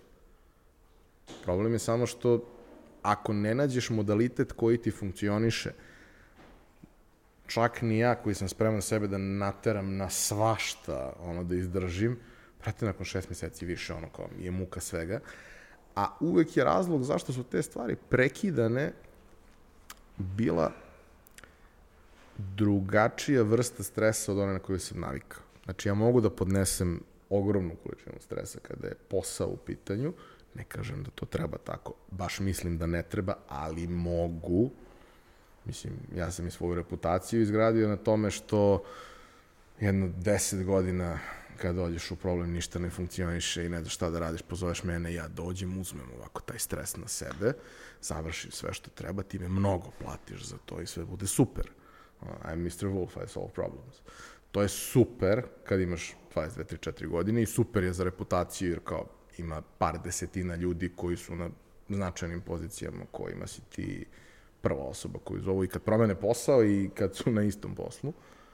Ali nije dobro za tebe, jer kao ne, nemaš to da radiš ceo život. E, ono što je meni uvek trigerovalo kraj, e, tako neki priča se da li je to kraj ili je kraj koji je lagani, ovaj, uh, lagani raspad, uh, su bili neki emotivni stresovi koji su bili potpuno drugačijih tipa. Uh, zdravlje porodice, roditelja, situacije sa kojima, znači ja sa svim mogu da se izboriš, da se posle tiče šta god, koliko god da je loše, a loše je korona, sve, mi radimo primarno stvari koje su non-essential, pa to je prvo što se seče, logično, jel? Ovaj, ali ovo su stvari gde si ti potpuno nemoćan u svakom smislu i čak ono kao imaš tu dobru poziciju da ono, imam 35 godina, ja sam 20 godina u ovome. Ne kao, je, koketirao sam, ne brate, ja 20 godina radim jako ozbiljno i imam mnogo više kontakata nego što je normalno da neko ima za to vreme i zaista, ono, manje više, ako mi je stvarno važno, mogu da dođem do bilo koga. Ali postoje te neke situacije u životu, obično vezane za zdravlje najbližih prijatelja i, i da kažemo, porodice, gde to što nije bitno. Gde si ti potpuno nemoćan i osjećaš se kao kompletan idiot i potpuno si ono fiksiran u nekom vakumu i ne znaš šta da radiš i jevi ga, to može se istrpi neko vreme, ali posle nekog vremena si u fazonu ja moram da, ono, moram izbije osigurač negde, pa je najjednostavnije da izbije tako što ću da pojedem, ono, um, pljeskavicu umotanu u picu ovaj, i, i pohovan. Ovaj, jer kao, jebi ga. I uvek je to bilo tako i ako se ovo prekine, tako nešto će biti jedini razlog zašto to može da se desi. Ali Nadam ako se, da se desi, ti ćeš jednom dnevno pojesti to. To je ono što je, ono, kada... Ne mora kad... da znači. Znaš, e, ne mora da znači, odnosno, da, okej, okay, ali u nekom trenutku se, brate, prepustiš. Znaš, jednostavno količina beznadja bude prevelika da ti to možeš da podneseš. Ono, ne želim da pričam o takvim stvarima. Znači, ko je bio u takvim situacijama, sigurno je svako bio nekad u životu. Ja sam bio više puta nego što mislim da je poželjno i potrebno. Ovaj, nekada imao krivicom, a vrlo često kao prosto posledicom nekih okolnosti. Brate, ono, ne možeš da razmišljaš o tome. Ne možeš da projiš kalorije, ne možeš da razmišljaš o tome. Jer jednostavno ne možeš da planiraš ništa. To je, ono, jedeš da se ne onesvestiš, a u nekom trenutku jedeš jer kao pokušavaš da nekako ugušiš to nešto u sebi, a da ostaneš funkcionalan koliko god je moguće, makar na površini. I u takvim situacijama jednostavno ne možeš da vodiš računa. Da li to, kao, da li, da li će meni da bude potrebno, da neće mi biti potrebno, ali ne radiš stvari koje su ti potrebne, radiš bilo šta što misliš da može da ti pomogne da prebaciš preko tog, preko te prepreke, preko tog brda, a nekad to traje predugo, nekad se stvari otmu kontroli, jebi ga. Znači, ono, to su stvari koje mene mogu da izbaci iz takta u svakom ono životnom uh, elementu, ono u svakoj uh, svakoj oblasti funkcionisanja i uh, to je nešto što i sada vidim kao nešto što može da se desi, verujem da sam pametniji, da mogu možda bolje da kanališem takve stvari danas nego što sam mogao tada, ali ne možeš budeš imun na tako nešto. Ovaj, I da prosto ono, možda mogu na, na drugačiji način sada da se borim sa tim. Ali Ovo, nije ovo način, prvi put. Kao, kako bi, ovaj, kako bi ti savjetovao nekoga ko opet uh, želi da Mislim, jedan od načina je da kreiraš neki pozitivni ventil, neki ventil koji bi ti, recimo, ja imam ja imam devizu da ono, kad, kad staviš dovoljno kila na leđa i radiš čurčne, ne može ništa da ti bude stresno. U smislu kao to, toliko curi stres u tom trenutku iz tebe, ali to, između ostalo kao recimo meni trčanje uopšte nije to. Kao, Apsolutno. Trč, trčanje, ono, ne mogu da... Plivanje, plivam ko se kirče. Uh, ali kao dizanje teških tegova je uh, veoma ravno meditaciji kao o, da. ovaj, za mene. I sad, uh, kao, sa druge strane, to kao znači daje, uh, ono, to je ventil koji ja sebi napravim, uključujući naravno i ragbi i ekipu koju imam tamo, koja je meni ono, takođe jedan veliki ventil u životu. Ali kao, da li, je, da li postoji još nešto sem toga da napraviš, znači, tu drugu vrstu ventila? Kao, da, da li je, ono, šta, kako, kako bi savjetovao ljude da, da ne zapadnu u isti taj... Ima onaj film sa Markom Wahlbergom i onim medvedićem Ted, kad oni trulim jabukama gađaju ove što trče. E, ja bih to radio. I imali smo jedno vreme kancelariju iz koje to moglo da se radi, ovaj, ali ni, nismo, nisam dobio podršku. Ovaj, meni trčanje uvek bilo potpuno besmisleno, to mi je bio najveći problem sa tim. Ok, mogu ja da kažem sebi, znaš, kao trčiš eh, sa ciljem da budeš bolji od sebe, pa imaš neki vremenski ono, okvir. Više trčiš kao dok vreme ne istekne. Mm, Pa, Kao, ja, ja uvek recimo, sebi zacrtam nema- koliko nema dugo cilj. ću trčati, kao 40 Ili daleko, minuta. Koliko daleko. Ali dosadno, bre, glupo, mislim, možeš slušaš podcaste, ali generalno besciljna stvar. Košarka nije besciljna stvar, ja sam mnogo voleo košarku i dan danas uh, igramo s tim što, jeli, posljednjih šest meseci to baš i ne funkcioniše. Imali smo jedan period od par nedelja kad smo igrali, ali onda od 13 ljudi dvoje bilo pozitivno, pa he, jebi ga. Ove, to mislim da, da, da može dosta da pomogne. Teretana može dosta da pomogne uh, onima koji uh, znaju šta rade, umeju ili imaju adekvatnu pomoć u tome. Ovaj, meni mnogo, mnogo, mnogo, mnogo znači.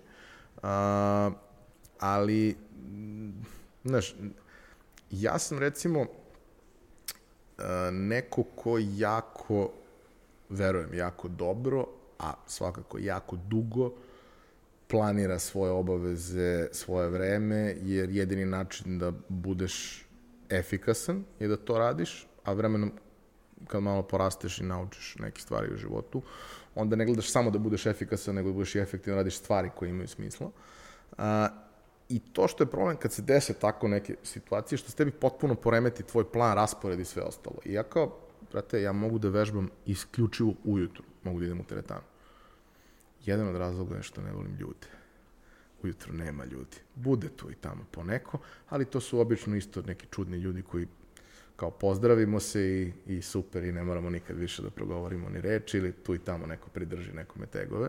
Ne volim da idem u teretanu kad ima milion ljudi posle posla, ne volim da idem bazen kad ima milion ljudi. Neke druge stvari su mi okej, okay, to mi, je, to mi je baš problem.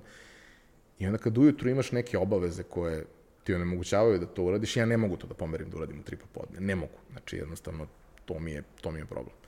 Tako da, e, prvo jako verujem u to da svako, ono, da bi mogao da funkcioniše, mora sebi da napravi plan, da bi mogao da funkcioniše dugoročno od stvari koje su bitne treba da napravi rutine i da kao kreativac ne sme da ima rutine. Ne, ne, ne, ne, ne. Kreativac mora da ima rutine jer kao kreativnost dolazi iz, sa raznih mesta, nije to samo ono kao dodir Boga i kao mm, ispo u čarobni napitak kad je bio mali i tako dalje. E, rutina donosi neverovatne mogućnosti da budeš jako, jako kreativan ili, mislim, Nemci su možda dosadni ljudi, ali su vrlo kreativni kada je mehanika u pitanju i automobilska industrija i tako dalje. Možeš budeš inženjer i da budeš kreativan, kreativan, to nije problem.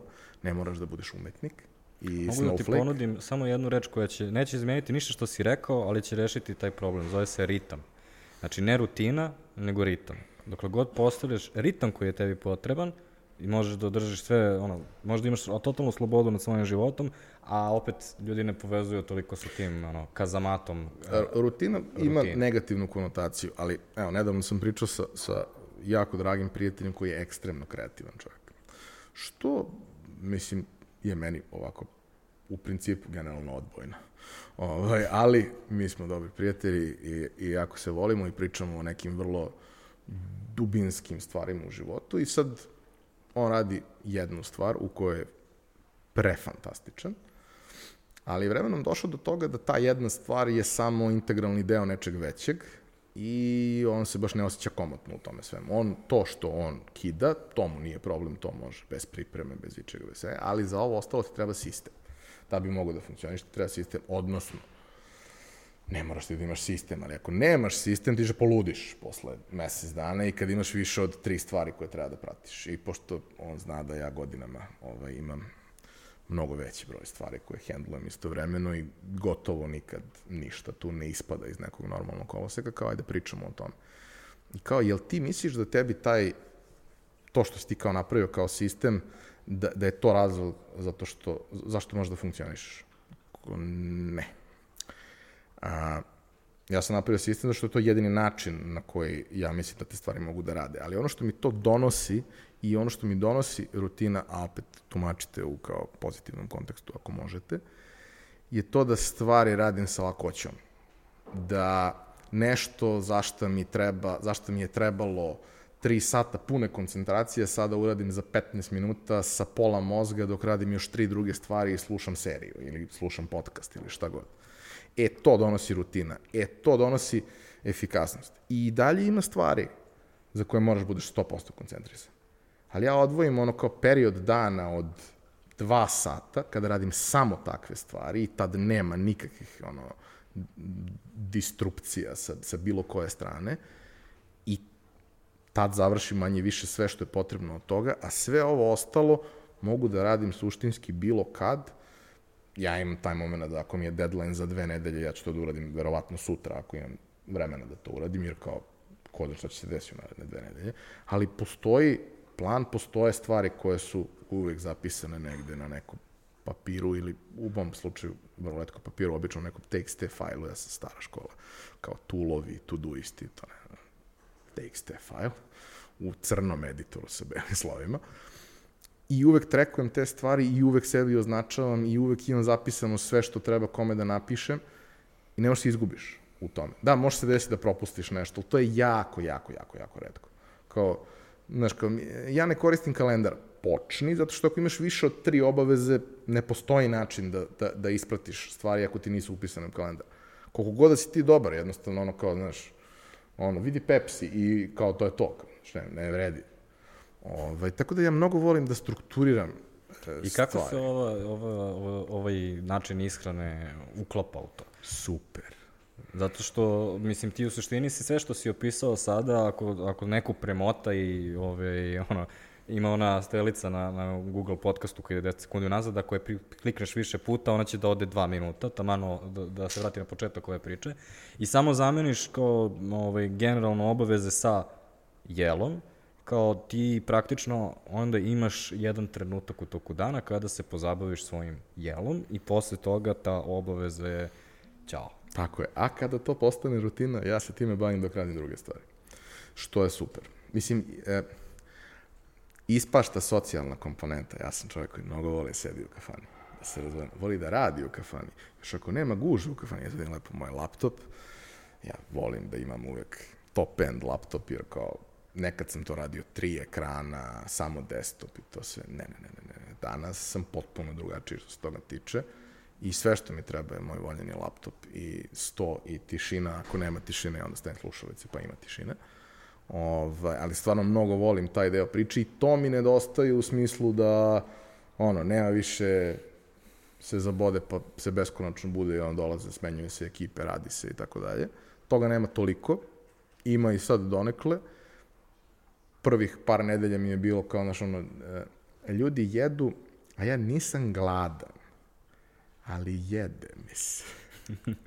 Jer je lepo. Strane, o, o, u odnosu na bilo koju drugu dijetu, ovo, ovo naše ljudi kulturološki najlakše razumeju. Zato što, recimo, ja sam, ono, kad, ja jedem, ne mogu da jedem ananas, ne mogu da jedem neku salatu. I onda, znaš, ono, kad te konobar onako sažaljivo pogleda i kao, jeste bolesni. To, šta, šta nije u redu? To. E, kao, varijanta, veruj mi, naždao sam se za ručak, nekako ono odgovara našoj kulturi, ono kao, ja sam bio ozbiljan čovjek, ja sam ovo već obavio, ne moramo sad još jedan put. Kao, nekako ljudi to odmah instant razumeju. A ne znam, na primjer, moji roditelji ne, oni me pita, kao, Čale mi kaže, negde, tipa sedam uveče, kaže, ćeš malo lubenice? Rekao, ne. A ćeš malo grožđa? Rekao, ne. Ali kao, pa to je voda. Ja rekao, pa nije. Nije, to je šećer. to je šećer i voda. Dakle, Pogotovo grožđe, ovaj, da, da. a i opet i lubenica u stvari. Pa da, kao, kao kak ti je to onda dijeta, to nije humano. Rekao, ne, nije, humano je, nisam gladan, ne jedem mi se, ne moram da jedem grožđe. Da, ali recimo, ovaj, uporedite to sa, na primer, uh, veganima, odnosno vegunima. Ovaj, ja sam pokušao da budem uh, veganin ce, celih nedelju dana. Ovaj, smučilo mi se ovaj, burek sa pečurkama, pošto ne, nema šta, znači burek sa pečurkama, pomfrit do besvesti I kao ono, uđeš, ono, svaki meni je iskušenje, razumeš, svaki rat, ono, nađi nešto što nema mesa u, u, u srpskom prosječnom restoranu. Kao, Da. bukvalno, ono, biti vegan u Srbiji, kao, ja, ja koji sam to pokušao nedelju dana kao eksperiment, sam bio u fazonu, ja ne mogu, ovo, ono, kao, ne znam, ono, šta, kako ovo uredim. A ovo je dosta jednostavno, ono, daj mi samo dva onoga što mi inače daješ, ili kao dva i po, tri. Ma vidi, uh, 2020. godine možeš da budeš vegan u Srbiji i da to funkcioniše i kogod se osjeća bolje tako ili imam ono, zdravstveni razlog koga to treba da radi, go for it. Sada stvarno imaš opciju. Ja se sećam pre 12 godina u Nišu na našoj omiljenoj konferenciji iz tog perioda naš drugar koji je mislim da nije imao zdravstveni razlog, nego je ovako iz, iz moralnih razloga bio vegan. Ovaj, u, uh, ako se dobro sećam, u kafani Mrak, ovaj, pita konobaricu, e, jel imate nešto za vegetarijanca? Ona gleda, kaže, e, imamo teleću čorbu, ovaj, što je onako bilo do, do, dosta živopisno. Inače, kafana Mrak bi moglo da nam postane sponsor, pošto ovo je treći put da, da je pominjamo u podcastima. Ovaj, a svaki put ovaj, ovaj, jako mogu da pozitivno. vas, mogu da vas spojim. znam, znam ljude, ovaj, da ne kažem da... Ra radit ćemo za hranu. Kumovi. Neka nam neka pošalju ujutru iz Niša ručak, mi okej. ćemo to pojesti. To je ta jedan naš obrok i dosta. A, šta, šta je ovaj, meni tu bilo negde uh, vrlo, vrlo problematično? Uh, kad se pojavi tako nešto kao trend, kao onom vicu, znaš, kao kako ćeš znati da ti je pilot bio na žurci? Pa on će ti reći. Da, da, da. Znaš, kao, jer kao ne, ja sam pilot i to kao, znaš, e, Mislim da tako je to isto sad ljudi koji ja se bave vegan. crossfitom. Crossfit, Da, da, vegan da. i ateista. A te isto ulaze u bar. Znači, baš ono, to mene jako, jako, jako, jako smara. I uh, imao sam jedan deo, da kažem, kolega, prijatelja, ono, kroz prosi, prosi, uh, proteklih uh, 20 godina, koji su imali periode kada uđu u to, neki su i ostali u, u, toj nekoj priči, obično iz razloga što su se mnogo fizički bolje osjećali, što apsolutno podržavam. Ali recimo, gotovo svi oni su se jako puno ugojili na početku. Zato što kao, m, naročito tada, gde nemaš ono falafele, nemaš takve stvari Samo na koje test. možeš da se osnoveš, to ti se svede suštinski na paste, na takve stvari, jer kao moraš da se zasitiš, Ne, mislim da je I- bez toga da se ozbiljno pozabaviš time i da kuvaš dosta redovno, apsolutno, ono, i, da, i dalje postoje, naravno ti uvijek možeš nešto, ali nažalost to se uglavnom svede na ono, jednu te istu stvar. Ja sam, ono, tih nelju dana sam se osjećao super, prvih četiri dana. Posljednjih tri mi je bilo pakao jer je krenulo se vrti sve u istom lupu, razumeš, kao, ono, bi se, ne mogu više, jer, ako, ako pojedem još jednu ono, pitu sa pečurkama, ubiću se. Ove, a šta misliš, reci mi, šta misliš o Joe Roganu? Kao kolega podcaster. Ne bih ja to zvao kolegom. A, mm, volim da ga slušam, odnosno uh, volim da slušam njegove podcaste s tim što vrlo biram koje goste slušam. Ne slušam sve, ali ima dosta gostiju sa kojima stvarno volim da slušam to. Mislim da kao zalazi u stvari vrlo često koje mene uopšte ne zanimaju. Sviđa mi se način na koji to vodi, sviđa mi se način da jebi ga, ko to kapiram da dolazi vremenom, da si ti, mislim, meni su skoro svi gosti u, u podcastu Prijatelji, imamo 80 i neku epizodu snimljenu, ono, ali on ima hiljadu i neku epizodu snimljenu. Lepo je kad imaš prijatelje kao što su Neil deGrasse Tyson, Jordan da. Peterson uh, i Ali to te pitam u ljudi. stvari zbog toga što on ima onaj fazon da vrati, uh, vrati podcast fazon 45 minuta unazad i kao, e, sećaš se kad sam to napitao? I sad, sad, ja, sad ja moram tebi to da uradim, pošto smo ostali dužni Bože moj. Ove, najavili smo, ti si uradio test krvi posle ovoga. Jeste, da. I pre, i posle, i za vreme. Ja volim da dajem krv. Ove, obično neće da je Ako uzmu. postoji neko ali- društvo Drakula i vampira, ja sam vaš čovjek. Ovaj, uh, pa šta je fora? Mislim, fora je da sam ja uh, bio na terapiji, stvari su okej funkcionisale. Čak i kada nisam bio na ishrani, zbog terapije su stvari sa ono, kao šećerom i insulinom bile okej, dobro funkcionisale. Međutim, uh, imao sam oko nove godine neki stomačni grip za koji svi misle da je korona, jer ja sam došao iz Wuhana pre nego što... Mm. tako Sećam dalje. se toga, imali smo mi Nulti, par ljudi koji su ovaj, tako ne znaju šta im, da, da li to bio... to je trajalo jako, jako dugo i prvih tipa 7 dana je stvarno bilo užasno. Do nivoa da sam jedva pretekao. Ovaj, I onda se onako ciklično vraćalo narednih mesec dana na po dan, na po pola dana, ono, potpuno si polomljen i ovaj, kao napraviš sebi mali stočić u, u toaletu da bi moglo funkcioniš. Ovaj, I dok je to bilo, nisam uzimao terapiju, zato što mm, uzimanje metformina a, u bilo kom obliku može da izazove s vremena na vreme tečne probleme. Mislim, ne, može i da ne izazove. I vremenom kad ti odrediš... da objasniš ljudima, znači metformin je... Metformin je uh, čudesni lek. Ovaj, čudesni lek koji služi da poboljša lučenje insulina. I ljudi sa insulinskom rezistencijom piju određenu količinu toga da bi povećali svoje lučenje insulina u suštini. Ove, I on ima smisla da se pije dok nisi dijabetičar. Kad jesi dijabetičar, možeš da amplifikuješ nešto što postoji, ali ne možeš da amplifikuješ nulu, pa onda mm -hmm. nema ni nekog pretarano. Mislim, ima svašta da se pročita o metforminu kao otprilike miracle drug, ono, uh, bukvalno fountain of youth za, za, za, za, za neke stvari, ali nemam ja te neke ambicije sad da je to, da ću ja sad da se podmladim i to uopšte nije u tome fora. Fora da to radi. Meni je to jako dobro radilo, ja se super osjećao. Rešilo mi je sve te momente koje imaš sa insulinskom rezistencijom, kao što je to da kljokneš svaki put kad jedeš, a i gomilu drugih stvari i dovelo mi je i šećer i sve ostalo na, na nivo koji treba. Međutim, kao ne možeš u takvim situacijama kad imaš bilo da su ozbiljni stomačni problemi ili da je neki stomačni grip nešto, ne bi trebalo da ga piješ jer to je onda, opisao sam to u tekstu kao da kometa udari u vulkan, otprilike. pa možda treba ispeći tako nešto, ovaj, posebno ako moraš da Imaju, imaju Amerikanci onu, onu malo slikovitiju poslovicu sa ventilatorom. Je, ima, da. ovaj, a, ja to nisam pio mesec dana.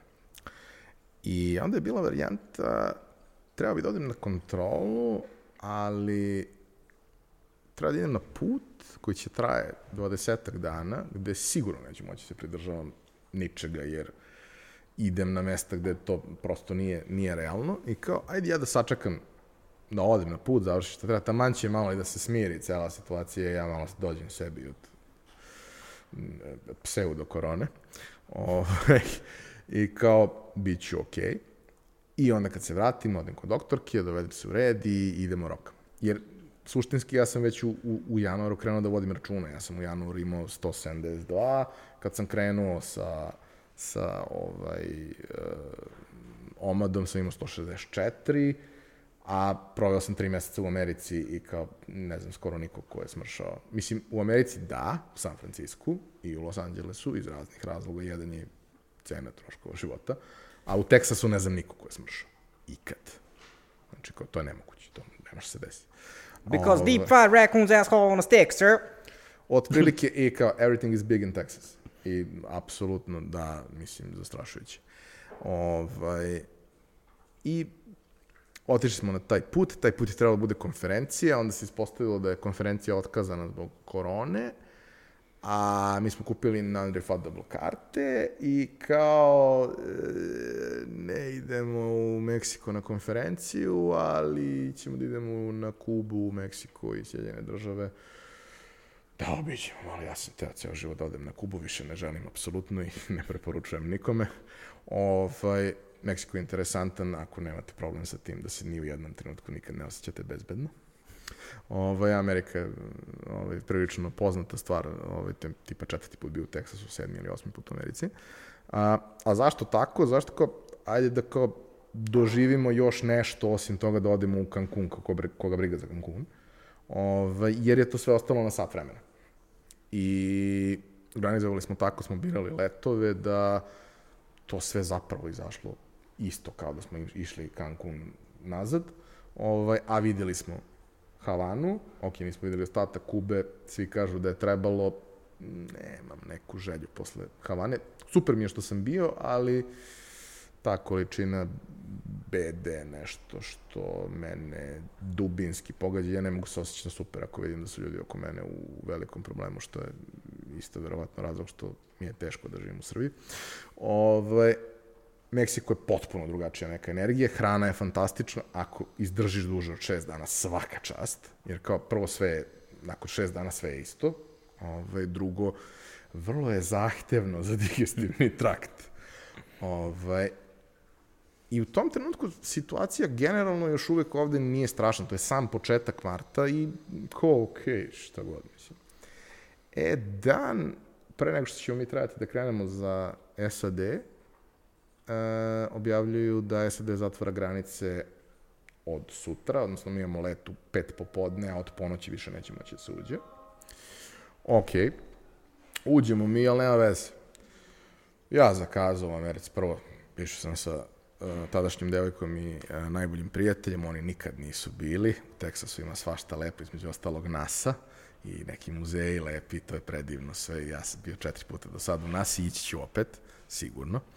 Ovaj, I kao, ima šta da se radi, ima apsolutno šta da se poseti, imamo neki plan, plus ja uvek kad idem, ako mogu da potrefim period godine, a trudim se da potrefim, a, vežem to sa tim da odem na neke NBA utakmice.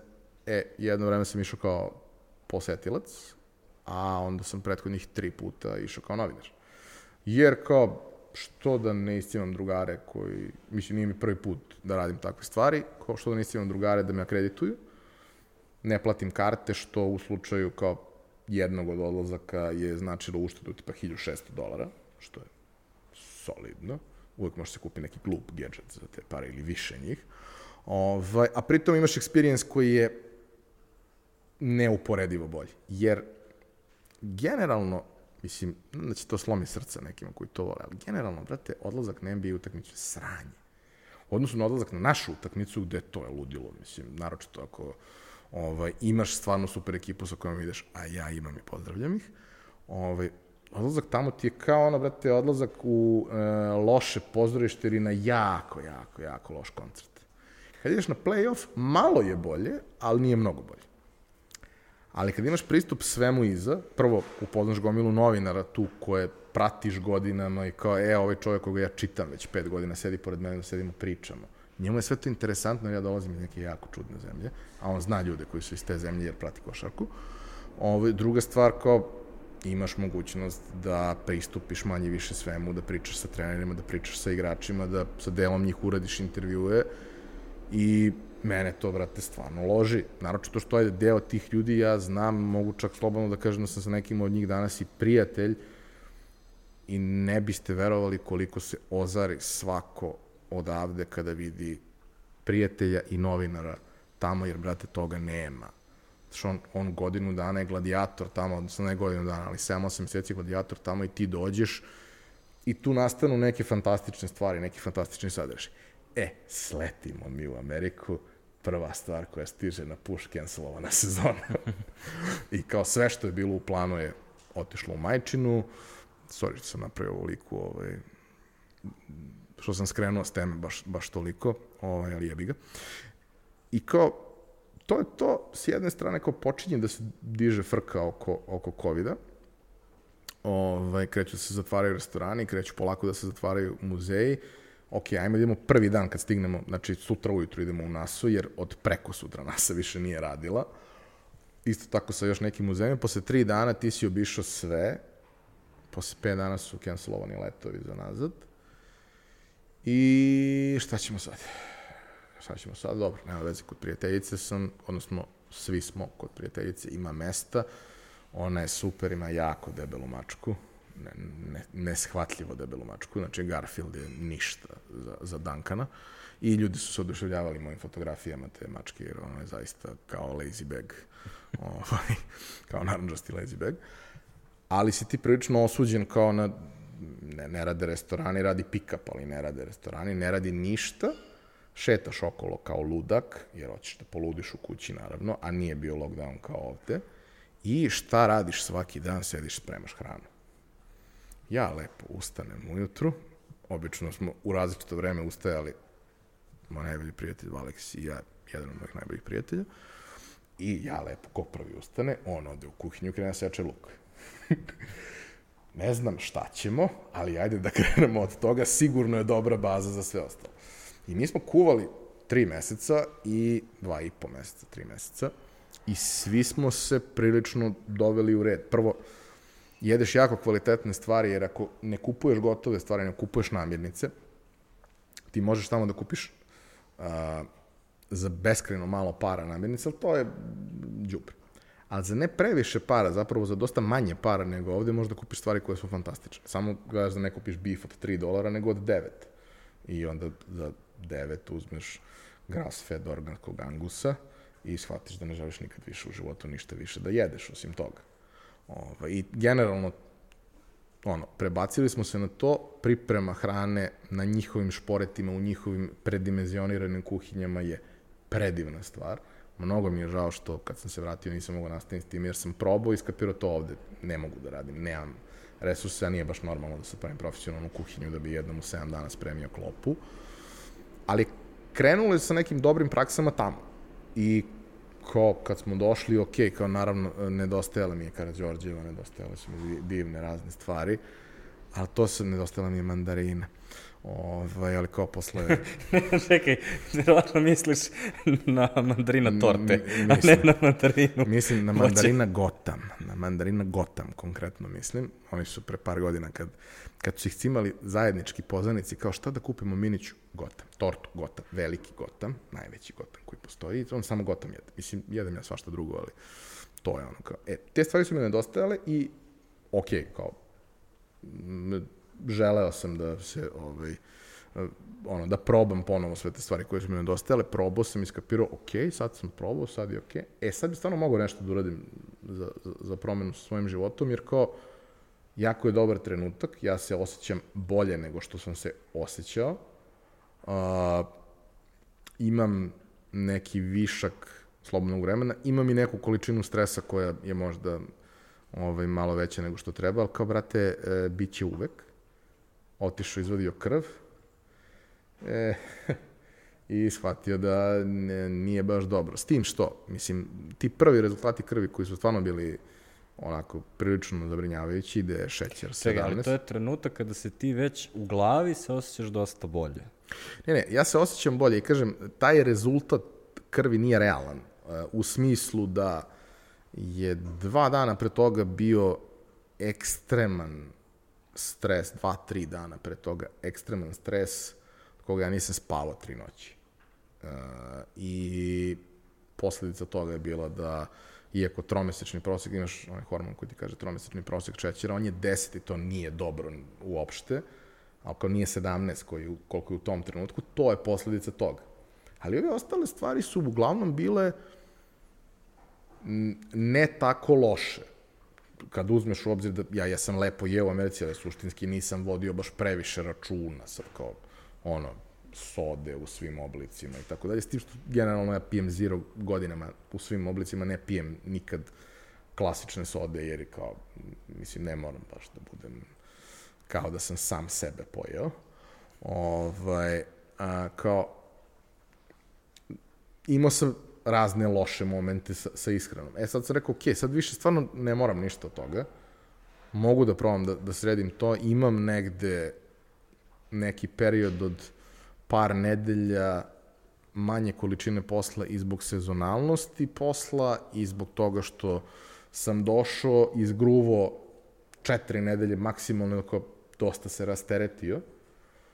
Ok, ajde da krenem, da napravim organizaciju i onda će sve stvari da se nakon toga, sve stvari ću nakon toga da uklapam u to. A neću morati ovo da uklapam u nešto što je sad zakucano naredne četiri nedelje, ono kalendar mi je pun. Ne, ne, ne, u naredne četiri nedelje imam tri sastanka koja mora da se dese, a ovo ostalo sve mogu da prilagodim i kao krenuo sam tim tempom. Uh, čim sam izvodio krv, to je set stvari koje, koje vadim svaki put pred pregled endokrinologa. A, probao sam da zakažem pregled, ali nije bio nijedan slobodan termin do 32 dana kasnije. I kao, ok, 32 dana kasnije to što sam vadio krv više nije uopšte relevantno. Mislim, nije da nije, ali nije. Ok, ajde ja da imam tih 30 dana da napravim nešto, kako ja mislim da treba, sa uzimanjem moje stare terapije bez neke korekcije, pa sam je malo posle korigovao jer sam skapirao da mi ne treba toliko glukofaža, odnosno da kad toliko glukofaža pijem koliko treba, jedem jednom dnevno, me boli glava ujutru, zato što mi je previše nizak šećer. Ovaj, kao ajde vidim ja da napravim rezultat, malo me i sramota da odem kod doktorke i da je sve ovaj, loše. Mislim, nije ona taj lik da će sad nešto tu da, da, da mi ovaj, uh, mnogo, da me mnogo kritikuje, ali Jednostavno malo ne voliš da razočaraš ljude. Ovaj, a s druge strane, uh, da vidim ja da li sam ozbiljan po tom pitanju, iako jesam, da dođem kod nje sa ka, e, vi, ovo je mnogo, mnogo loše bilo, ali vidi. I ovaj, tako sam i postupio, nakon mesec dana zakazao novo vađenje krvi, tu su bili oni rezultati koji su suštinski svi bili, kažemo, vrlo blizu okvira normale i većina stvari jeste bilo u okvirima normale i onda sam ovaj, uh, otišao kod nje, objasnio šta kako, ona je pogledala sve, rekla da je rezultat fantastičan, ali je izrazila ovaj, zabrinutost da li je to održivo. I ja sam rekao, ja mislim da jeste, za sad mi se čini da jeste, suštinski, za razliku od većine prethodnih puta se osjećam neuporedivo bolje i kao to što se osjećam bolje mi daje dodatnu motivaciju da istrajem, jer znam kako izgleda kad se ne osjećam dobro i ne, ne želim da idem na tu stranu. Bilo da preterujem pa se ne osjećam od toga dobro ili da preterujem na drugu stranu pa nemam snage ni za što ne mogu funkcionišem. Ona je rekla, ok, ići ćemo sa, sa redovnim kontrolama, nastavi to kako radiš, dodala mi neke suplemente koji su bili potrebni, ovaj, jer ih nisam dovoljno unosio kroz hranu, a neke stvari i služe da regulišu tipa, ne znam, mokraćnu kiselinu, kad ješ dosta mesa, raste ti mokraćna kiselina, nije važno što ti raste mokraćna kiselina kao brojka, toliko nije to toliko strašno, ali hoće da izazove giht, a ja ne pitam. Jer, Imamo jednog mislim, zajedničkog prijatelja koji ima tu bolest, znamo koliko mu je nije, nije nije lepo. to, ovako, nije baš generalno prijatna stvar. A šta se desilo sa tvojim insulinom? Uh, sve je dobro, znači, bukvalno svi parametri su se vraćali ka normali ili došli potpuno normalu, šećer se vratio u okvire normale, tromesečni prosek šećera je sa 10 spao na 7,2, to je i dalje preko granice, ali ja sam samo mesec dana na ishrani, a to je prosek za prethodna 3, što će reći da u tom mesecu taj prosek bio dosta bolji. Tako da svi parametri idu na, na dobru stranu. I mislim, Kakav je bio tvoj pritisak? kako? Pritisak kakav ti je bio? Da, A, pritisak, pazi, ja sam tipa u petom razredu imao pritisak koji je viši nego što je normalno, ali to nikad nije bilo strašno. U periodima kad sam bio najdeblji, to jeste bilo povišeno značajno i puls je bio povišen značajno, kažem, ono, u mirovanju preko 100, preko 110 u nekim situacijama. Kako znaš to? Ono, zato što, Ne ono, što, me, ono što je meni zanimljivo, ja mislim da većina ljudi koji nas sluša nema tu informaciju o sebi. pa, mislim, Zašto si krenuo, naravno si ti merio, nego kao, zašto si krenuo da meriš? Pa, mislim, to je vreme pre gadgeta. Znaš, sad svi znaju sve. I sad svi znaju mnogo više nego što je poželjno da znaju o, o sebi. Kao kad ti stigne notifikacija na te puls nam je ubrzan. Pa da, vrate, gledam film, ono, koji je zanimljiv. Ove, šta god. Dobro. Sa jedne strane. Sa druge strane, recimo, ja, ja znam da je recimo jedan od efekata uh, fastinga na mene je da mi je puls u proseku u mirovanju 10, po- 10 sporiji.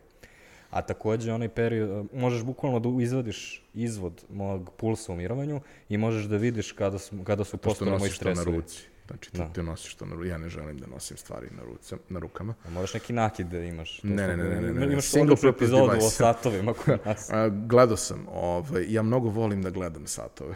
Da.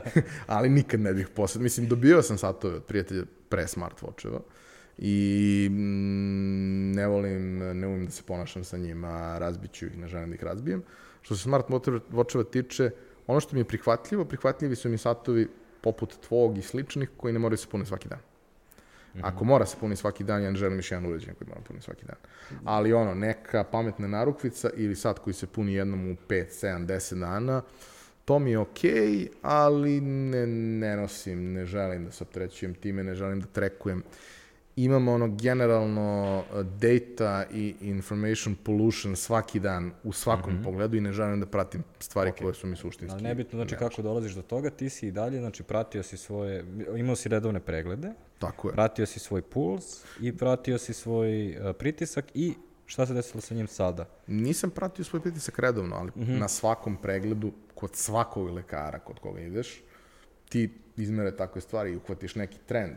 Sad, kad idem kod doktorke, ona je na prvom spratu dosta visoko uz neke stepenice koje ovako idu, pa ja malo potrčim uz to jer sam malo oštećen. Ovaj, I onda ako uđem odmah, sigurno da ću imati nešto više, vrlo brzo se to sad smiri, ovaj, ali da, ja sam poslednji put na ovom prethodnom pregledu imao normalan i puls i pritisak. Obično pre toga sam uvijek imao malo povišen, ne previše, nekad se dešavalo ako je dan bio previše stresan, posebno ako je pregled popodne, ono, bilo je nekad oko četiri, obično je sad ujutru, to mi je, to mi je više odgovara. Možda se desi ako je taj dan bio užasan, da kao to bude lošije nego što bi trebalo da bude, ali i to je stvar koja se negde vratila u normalu. Sada da se razumemo... A to je jedan u stvari od, pošto smo mi malo kopali kao, ovaj, malo još u pripremi za ovu epizodu, pored toga što smo kopali kad smo krenuli sa ovime, jedno od naj, jedno od prvih stvari koje se dešava jeste pad, ono, pritisak se vraća u normalu. Pa ja zbog toga sam i počeo da fastujem. Ja imam visok pritisak, imam terapiju za pritisak i meni se vraća u normalu. I dalje sam na terapiji koja je onako vrlo jaka, ali kad sam bio najdeblji i pored te terapije pritisak mi bio užasan. Sad mi je sa terapijom pritisak, ono, savršeno dobro. Možda je do posla. Njemu? Možda, mislim, ne, ne. Sedi čovjek u sred radnog vremena, snima podcast, sedi i časko o tome Možda kako jede. Možda je do posla. Ovaj, uvek postoje ono, niz spoljnih faktora koji, koji utiču na takve stvari i mislim, ono na početku kad sam se žalio na razne vrste iskustava sa lekarima, ja sam čovek, e, još uvek nisam diplomirao, iako je LinkedIn objavio da jesam i onda sam krenuo da pišem diplomski i diplomiraću. Ja, ja sam inženjer suštinski, znači ovako, sa mog za sad dok ne završim diplomu. Ali, a, gledaš prosto da e, razumeš sve te stvari koje, koje se dešavaju oko tebe i da, da razumeš kako šta funkcioniše. I, vrate, postoji hiljadu jedna stvar koju, na koju ne možeš da utičeš, ali postoje stvari na koje možeš da utičeš. Ajde, učemo na one na koje možemo i da vidimo šta možemo s tim da uradimo, pametno. Ne možemo baš uvek sve, ali kao, najgora stvar koja može da se desi kad ideš kod lekara, ja mnogo kao svaki inženjer volim second opinion i redundansu i backup i tako dalje, najgora stvar koja može da se desiti je da odeš kod tri lekara i tri lekara ti daju tri potpuno različite mišljenja na istu stvar. A meni se to desilo kad sam otišao kod tri endokrinologa. Sam otišao kod prvog i nije mi se svidelo. Nisam ja bio u fazonu uh, idem dok ne nađem lekara koji mi se dopadne. Nego idem dok ne nađem lekara koji će, prvo za koga ću da steknem utisak da me zapravo saslušao i drugo koji neće da kaže neku potpunu glupost poput morate se osloboditi stresa Znaš morate, vaša kolena trpe pritisak, pa šta da radim, da idem u bestežinsko stanje, kao, mislim, nisi mi dao rešenje za to, samo si mi rekao nešto što je realno ono Captain Obvious moment. Ok, ja sam svestan većine tih stvari, mnogo više nego ti, pošto ja trpim posledice toga. Ali imao sam negativno iskustvo sa tim i sa nekim drugim situacijama i prva da, stvar koja mi je bila cool je... Hajde ono, samo da, da izvedemo to do kraja, znači, kao savet, uh, ono, to zvuči kao savet, ali tako, kao smanji količinu stresa, kao, ali u stvari, kao šta su mogući načini kako ti možeš da smanjiš količinu stresa, šta možeš da uradiš, eventualno mogu da zamislim kao da, da ideš na neku terapiju, psihoterapiju koja bi ti na neki način iznivelisala neke prioritete, kao šta, šta je mogućnost da se smanji, ili jednostavno da kao prestaneš da radiš, pa eto. Sad, I onda imaš drugu vrstu stresa ako si da. odgovoran, da. to je jedan problem u životu kad si odgovoran. E, sve cool kad ti neko kaže ovaj, treba smanjiti količinu stresa, a, ali kad sediš pored njega i vidiš da gricka nokte i zapalio je drugu pljugu dok pričate tih 15 minuta, nisi ti osoba koja to treba da mi kaže. Odnosno, a što ti to prvi ne rešiš kod sebe? Pa, e, tako isto i sa endokrinolozima, ne znam, ono, Uh, jedna osoba je imala očigledno slične, dosta veće probleme nego ja u dosta poznijim godinama i okej, to ne znači da, mislim, tako neko možda kaže i za mene, kao ti imaš 145 kila, nekog savjetuješ.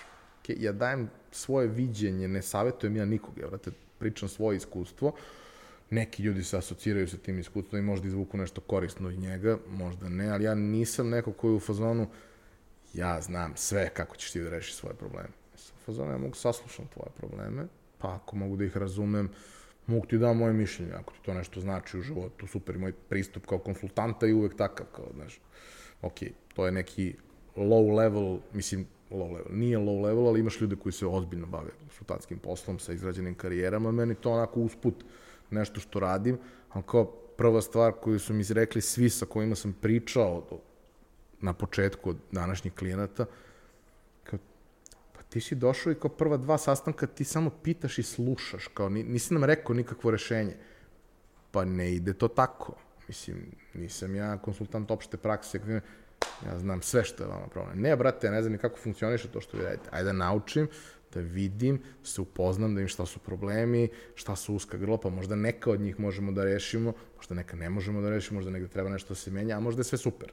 A možda i ne želite da rešite u stvari. Pa, mislim, neka. jedna od, od vrlo bitnih stvari koju, koju skapiraš radeći sa ljudima je da je poenta da oni zaključe da treba da urade nešto, ne da im ti kažeš da treba da urade nešto, zato što ako im ti kažeš, oni će da u većini slučajeva jako često je, imaju jako taj, često ono... kao u tim situacijama u stvari samo da izađe na videlo da oni treba se dogovore oko nečega. Jer kao, mi želimo da postignemo nešto. Aha, ali vi već znate kako to da postignete, samo niste rešili između sebe odeljenje, na primer, često prodaje i odeljenje marketinga, nisu seli međusobno i rešili da li će dža ili bu. I kao kada rešite kao šta će da bude trade-off, on, onda tek možete da postignete to što želite. I onda prvi put on, ono, kao, ih dovedeš u situaciju da sednu negde. A kako se to u stvari, uh, ono, ti si u stvari krenuo sa tom analogijom da bi uh, objasnio kako misliš da endokrinolozi treba da prilaze tebi ili kako ih ti posmatraš? Ne, generalno svaki doktor, mislim, razumem, ja nikad ne bih mogao da se bavim tim poslom. Kao i raznim drugim poslovima koji zahtevaju mm, mnogo veći možda nivo empatije nego što ja mogu da pokažem. Mogu da ga imam, možda ne mogu da pokažem ili šta god. Nije u ono, spektrum mojih interesovanja nikad bilo. Ne mogu da pandur, ne mogu da lekar, mislim, kao i razne druge stvari. Ali jedna od stvari koja je bitna je to da se osoba makar jako dobro pravi da te sluša. A da onda i na osnovu kao povratne informacije koju dobijaš, kao i da razume to što priča. Znaš šta je meni bilo recimo fantastično, mislim rekao sam 50 puta doktorka, ne, nemam deal s njom nikakav, čak mislim da je ona prilično preopterećena brojem klijenata, ali nekolicini mojih prijatelja je pomogla i ja sam došao po preporuci kod nje i nakon toga se ispostavilo da dosta ljudi koji su u sličnim pozicijama su išli kod nje. Šta je meni bilo genijalno? Meni je bilo genijalno, znači ja nisam bio skoro godinu dana kod nje. Znači od prošle, prošlog proleća do pa više od godinu dana jer sam tad isto imao veliko putovanje, kad sam se vratio, desio se život nisam dolazio, nije ni važno, ali nisam bio godinu i tipa 3-4 meseca. Žena me pitala sve stvari o kojima smo pričali prethodni put kad sam bio, a to su neke potpuno lične stvari, porodične, kao zašto sada imaš loš rezultat, ja je kažem zašto ona kao je zapamtila sve te stvari. Nije otvorila moj case pa je pročitala iz njega, nego brate, njoj je stvarno stalo. I mnogo je lepo kad se neko bavi takav, neko bavi takvim poslom. A, teško je, sigurno, jako teško i izgraditi karijeru i sve ostalo, ali ja sam potpuno siguran da ona jako lepo živi od toga i želim da ljudi koji tako rade svoj posao žive fantastično. Jedna od kletvi koje ja često kažem ljudima kad me nešto iznerviraju, da Bog da žive od svog rada. E, ljudi koji rade tako nešto na način na koji radi ona i Ivane, povedite računa, crći ćete, ovaj, doktor Ljubinko i još tako neki ljudi, ne možeš da failuješ. Sad, kao, i ona možda ima loš dan, i svako možda ima loš dan, ali e, ne, ako ti je stalo, e, i mene će da bude stalo. I ja ću da budem u fazonu, ne želim da razočaram nekoga kome je, kome ne zna suštinski, brate, ali znam da joj je stalo, znam da razmišlja samo o da, tome. Samo da se, da, da potvrdimo, znači, tvoja doktorka tebi nije preporučila da radiš fasting i uh, ove, ona generalno nema, kao, ona nije, kao, ovo nije poznata stvar njoj, ona ovo tretira kao jedan tvoj eksperiment koji za sada radi ne. i prati ga na sve mo moguće načine. Uh, ona meni nije preporučila fasting, ona je meni dala neku, da kažem, selekciju namirnica svoje vremeno na kojima bi trebao da baziram ishranu i manje više, mislim, to je ta selekcija namirnica koju ja jedem sa određenom manjom količinom nekih vrsta povrća koje su mi nekako prosto odvratne. mislim, inače volim povrće, ali neke stvari stvarno, kao ne, nemojmo preterivati ljudi. A, ja sam i tada pre tri godine kada sam krenuo prvi put u ovu priču, um, njoj rekao da meni ne odgovara to kao, znaš, pet obroka dnevno i to da ću poludim od toga. I ja sam i tada bio na fastingu, samo ne toliko ekstremnom, i ona je bila vrlo zadovoljna rezultatima. Nije to njoj nepoznato, ona to ne prepo, nije preporučivala i, mislim, uh, mi nismo ni stupili u kontakt s njom, ne znam da li bi ona možda podržala, priča sigurno da nema vremena za, za bilo šta izvan posla u ovoj fazi, bar mi je to bio utisak, ovaj, jer je dosta ljudi pravilo pauzu tokom korone, pa sad ima mnogo više posla nego što, nego što je normalno. Ali uh, ona je pozitivno odreagovala i tad na to i sada kada sam joj rekao šta radim je bilo u fazonu ok, dokle god prvo ti se osjećaš dobro i to daje adekvatne rezultate, to je cool. Razlog zašto ja mislim da uh, ona ne bi preporučila tako nešto, zašto je teško. Odnosno, ja ne mislim da je teško, ali nekome ko je potpuno ono hektičan ovaj, sa svojom ishranom je tako nešto nezamislivo. I kao i sve što pokušavaš da pretvoriš u naviku, treba da budeš disciplinovan 7 dana, 14 dana, 23 dana, koliko god, da je ono, taj time frame, ali za mene obično par dana, za neke ljude možda bude malo više. Ako to izdržiš, to više nije teško, to više nije problem za većinu ljudi. Nekima ne odgovara, neki to ne bi trebali da rade, naravno. Ali za većinu ljudi kad to kažeš, to je nezamislivo. I, mislim, jedna od stvari, ajde, trebalo bi to da kažem, zaista mislim da bi trebalo, ono kao, a, kada sam napisao tekst i objavio ga, i onda je to izašlo na internet, među ljude, mene prati mnogo veći broj ljudi nego što bih ja voleo, recimo. Ovaj, javilo se gomila nekih beskreno, beskreno dragih ljudi koji su pružili maksimalnu podršku, što je cool.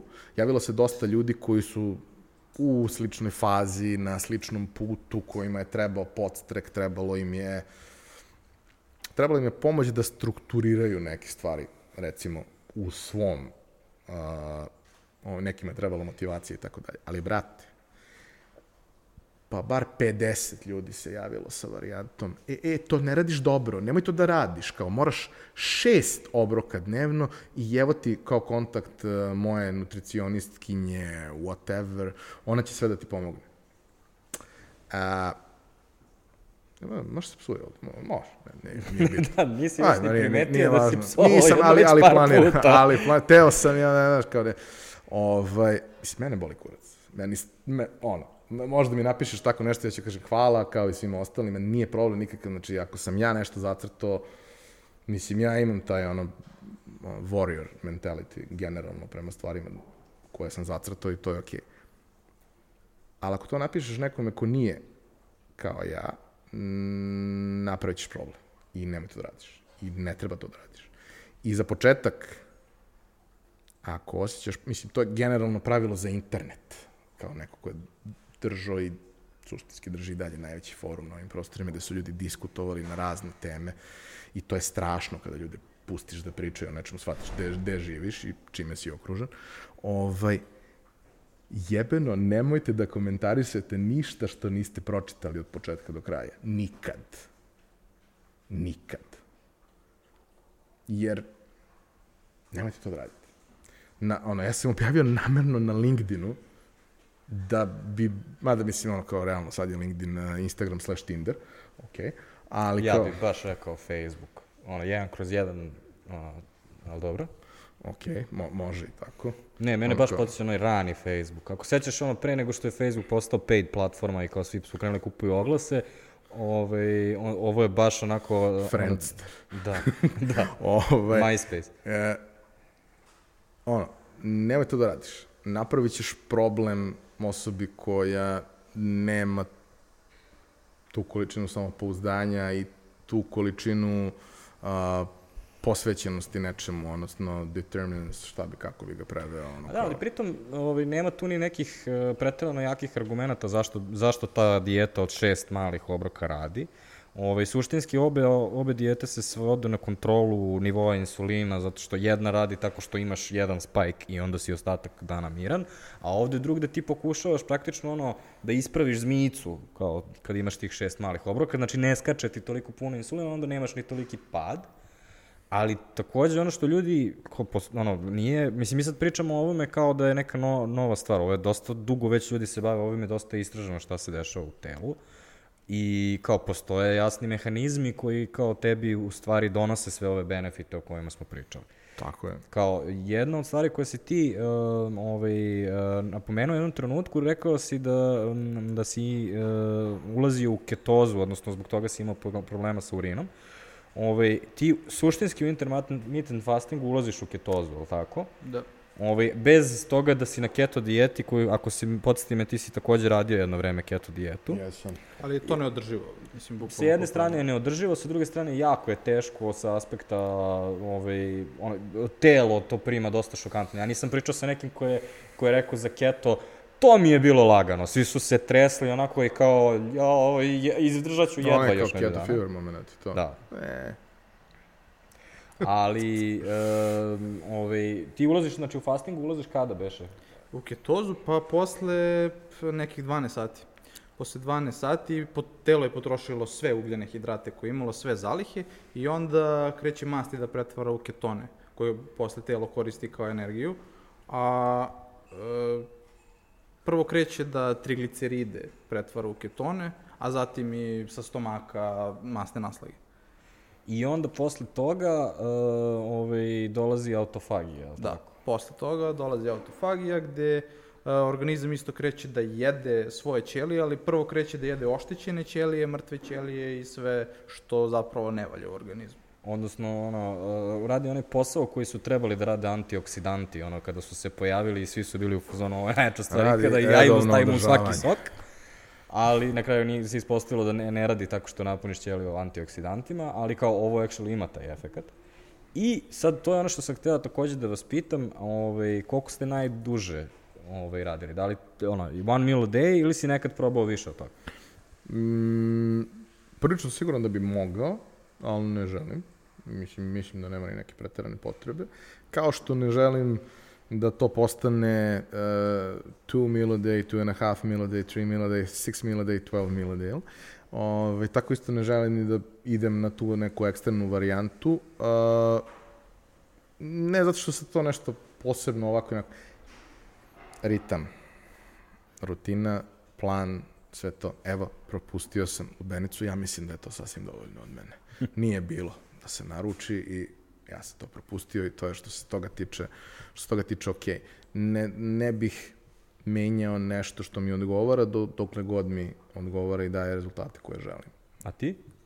A, pazi, meni je neki tipa 26 sati bio neki maksimum. Isto kapiram da bi mogao više, probao bih možda jednom do dva dana ne jedem. Ne znam zašto, ali eto, možda bih probao, ali ne verujem da bi sad kao jeo svaki drugi dan. Ne verujem da bi mi to bilo interesantno previše. Ja ću sad morati da krenem ono kao ovaj, eh, poslednji nacionalista, ono, kako su Amerikanci jedna bolesna nacija. Obradovah se ja, izašao dokumentarac na Netflixu o intermittent fastingu. Ja spremam podcast, dolazi mi Minić, sve, u, super, taman mi leglo kukec na 11, kreće, jedan minut pričaju o normalnom fastingu, u smislu jedeš jednom dnevno, bam, 28 dana na vodi. I ja kao, za, zašto toliko ekstremno i kao, ono, ceo dokumentarac se suštinski bavi ljudima koji, mislim sad, ono, to, to je nešto što stvarno nije istraženo dovoljno, niti mi preporučujemo, niti pričamo danas o tome, ali to su ljudi koji su, recimo, um, test, ovaj, postoje ljudi koji uh, prilikom a, lečenja raka i dok si na hemoterapiji preporučuju fasting da bi se ti efekti hemoterapije lakše podneli. I između ostalog, neki od njih su sad otišli totalno, znači da ono, ideš 28 dana, m, a, takođe za lečenje diabetesa i tako dalje. Sad nemam pojma koliko to ovaj, radi ili ne radi, ali kao jako zabavno je u stvari zato što to ono američki san je to ono najekstremnije moguće. Kao mi smo sad predstavili ovo naše kao jedem jednom dnevno, kao nešto ekstremno, tvoja doktorka se brine. Ne, Da li ona možeš brine to da li da ja to mogu da izdržiš? izdržim psihički, fizički. A sad zamisli Amerikanca koji su u fazonu ne, ne, ne, ne jednom dnevno, jednom u 28 Jednom dana. mesečno. Ove, znaš šta, a, ja sam u svom životu imao dosta kontakata sa ljudima iz Amerike. Ovaj, svaka savezna država, manje više svaki grad je priča za sebe, svaki veliki grad je priča za sebe, ali ja jesam najviše radio sa Teksašanima i okej, jesam radio sa, sa Kalifornijom. Kalifornija je, čini mi se, mnogo inteligentnija, mislim i kad zamišljaš ovako, dosta deluje inteligentnije. Ovaj. Texas je baš ovako heavy shit.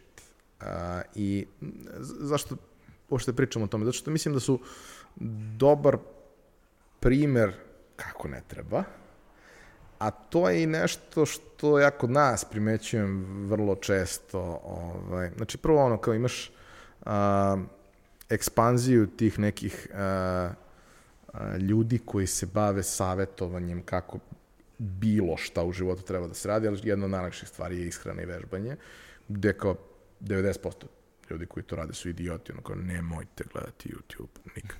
Gledajte YouTube, ali kao vrlo, uh, vrlo razmišljate o tome i ja sam jedan od onih koji u fazonu, a, jel imaš a, diplomu iz neke naučne oblasti, aha, nemoj da imaš mišljenje o tome, nikad, jer nemaš preduslove da bi tvoje mišljenje mogo da, mislim, možda ti da imaš mišljenje, samo ga zadrži za sebe. Ovaj, ali ljudi vole da budu vrlo ovaj, glasni kad su te stvari. E, e recimo, konkretno, ovaj, kako da se hraniš zdravije u zemlji kao što je Amerika je ekstremno jednostavno ako nisi idiot. Ali mnogi ljudi jesu. I ono što je iz mog ugla gledano najveći uspeh Amerike kao nacije je što je to sistem koji funkcioniše i pored toliko idiota. A ono što je recimo meni fascinantno svaki put kad gledam, znači ono, dosta ljudi znam koji su teksašani i svi oni, brate, posle 50. godine imaju isti set problema. Svi su overweight, svi imaju ono, ili diabetes ili blizu su toga, svi imaju iste stvari. I samo sedneš i analiziraš šta treba da promene. Jedan dan sa njima ono, odeš u nabavku i gledaš šta jedu, ovaj, ti si u fazonu samo na osnovu zdravog razuma, nisi ja nikakav lekar, ja možda volim, možda volim i medicinu i farmaciju, ja volim da istražujem, zanimljivo mi je, kao i filatelija i tako dalje. Ovaj, vrlo brzo shvatiš, brate, gde je problem, zato što kao, to su ti oni momenti, kao, aha, a, piletina to je zdravo, ok, ništa, ni, ništa nije zdravo ili nezdravo samo po sebi, ako jedeš neograničenu količinu piletine nije zdravo sigurno, ako je spremiš na način koji nije ok, ako je poreklom problematično i tako dalje, nije zdravo. Ali kao piletina to je zdravo i onda jedemo ono koficu kao pohovane piletine kao dobro. A, ovo je kao sugar free. Ne, ne, ne, ne, pročitaš, nije sugar free, nego je bez dodatog šećera. A ako je sok od grožđa, ako mu dodaš šećer, otvoriš ono tetrapak, krene ti igra oko, ne moraš ga piješ za tako nešto. Ali oni ljudi ne kapiraju generalno takve stvari i onda kao, znaš, kao vodi računa kao jedem samo salatu i samo ovaj dressing stavim preko, a dressing je otprilike ono, mogu Mislim si da lepo da uzmeš... ono da je kao onaj blue cheese dressing koji stavlja zajedno sa salatom u McDonald'su ima više kalorija nego Big Mac. Ove, vrlo često su takve stvari ono što se ispostavlja kao problem. Sad, ljudi smo grešni, smo, volimo mi razne stvari, ali samo treba budeš svestan toga. i da razumeš kako stvari funkcionišu na jednom vrlo fundamentalnom nivou.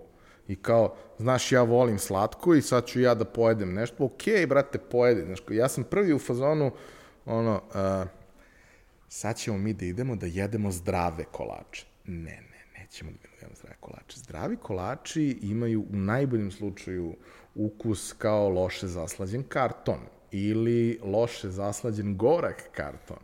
Ne, ne, ne. Ili idemo da jedemo kolače? Imamo najbolje kolače u gradu. Imamo pojedemo jedan ili dva i to je to.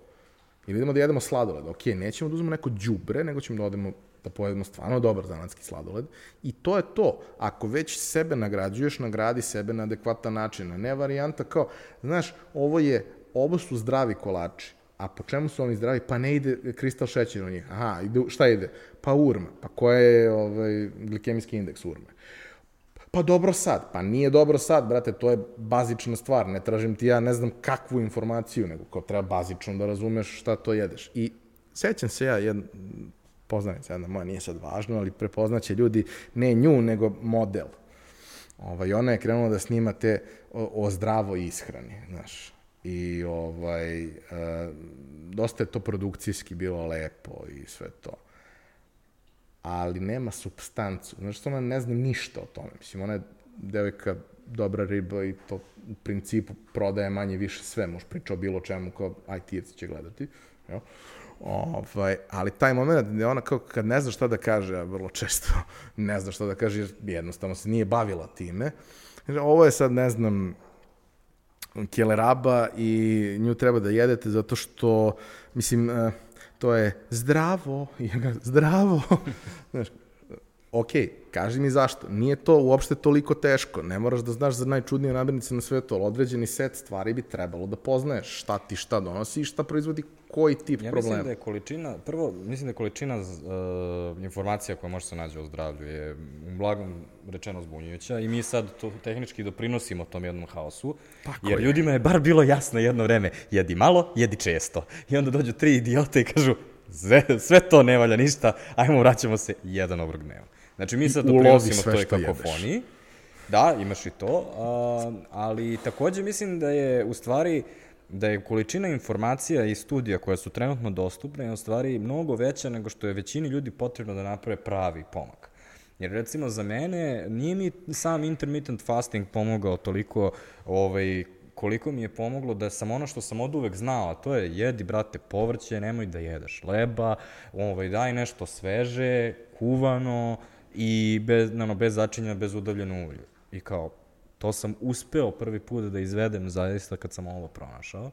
A kao, evo, to, to ono, ne treba ti sad ono, čija, semenka, quinoa, something i tako dalje, znaš, ne, ne, ne traži, nije pojenta da kao se pronađe taj neki ono miracle. Da, to, to sam ti rekao danas, ja kad znam da imam samo jedan obrok dnevno, pogledat ću da to bude jedan lep, dobar obrok koji će ono, da ima čorbu, da ima povrće, da ima meso, neću da pojedem McDonald's jer ću da upropastim taj jedan trenutak u toku dana kad bi trebalo da budem kao da jedem dobro i da budem ja vidiš, ove, ja vidiš pošto kao segmentiran te obroke, kao meni je sasvim okej okay da mi kao jedan od tih bude nešto što ono, se častim, ja obožavam Mac. Mislim, kao, ono, bukvalno, kao nekada je ono u fuzonu, kao znam, svestan sam toga, ali kao, ne, ja baš želim da se počastim. Ove, On je čudan. Poznatosti. A, ne, oni mogu o tome poseban podcast. Ima i Malcolm Gladwell ima odličan podcast o pomfritu u Meku. Znači, ne samo o Meku, nego o pomfritu u Meku. Elem, ovaj, odužili smo dva sata.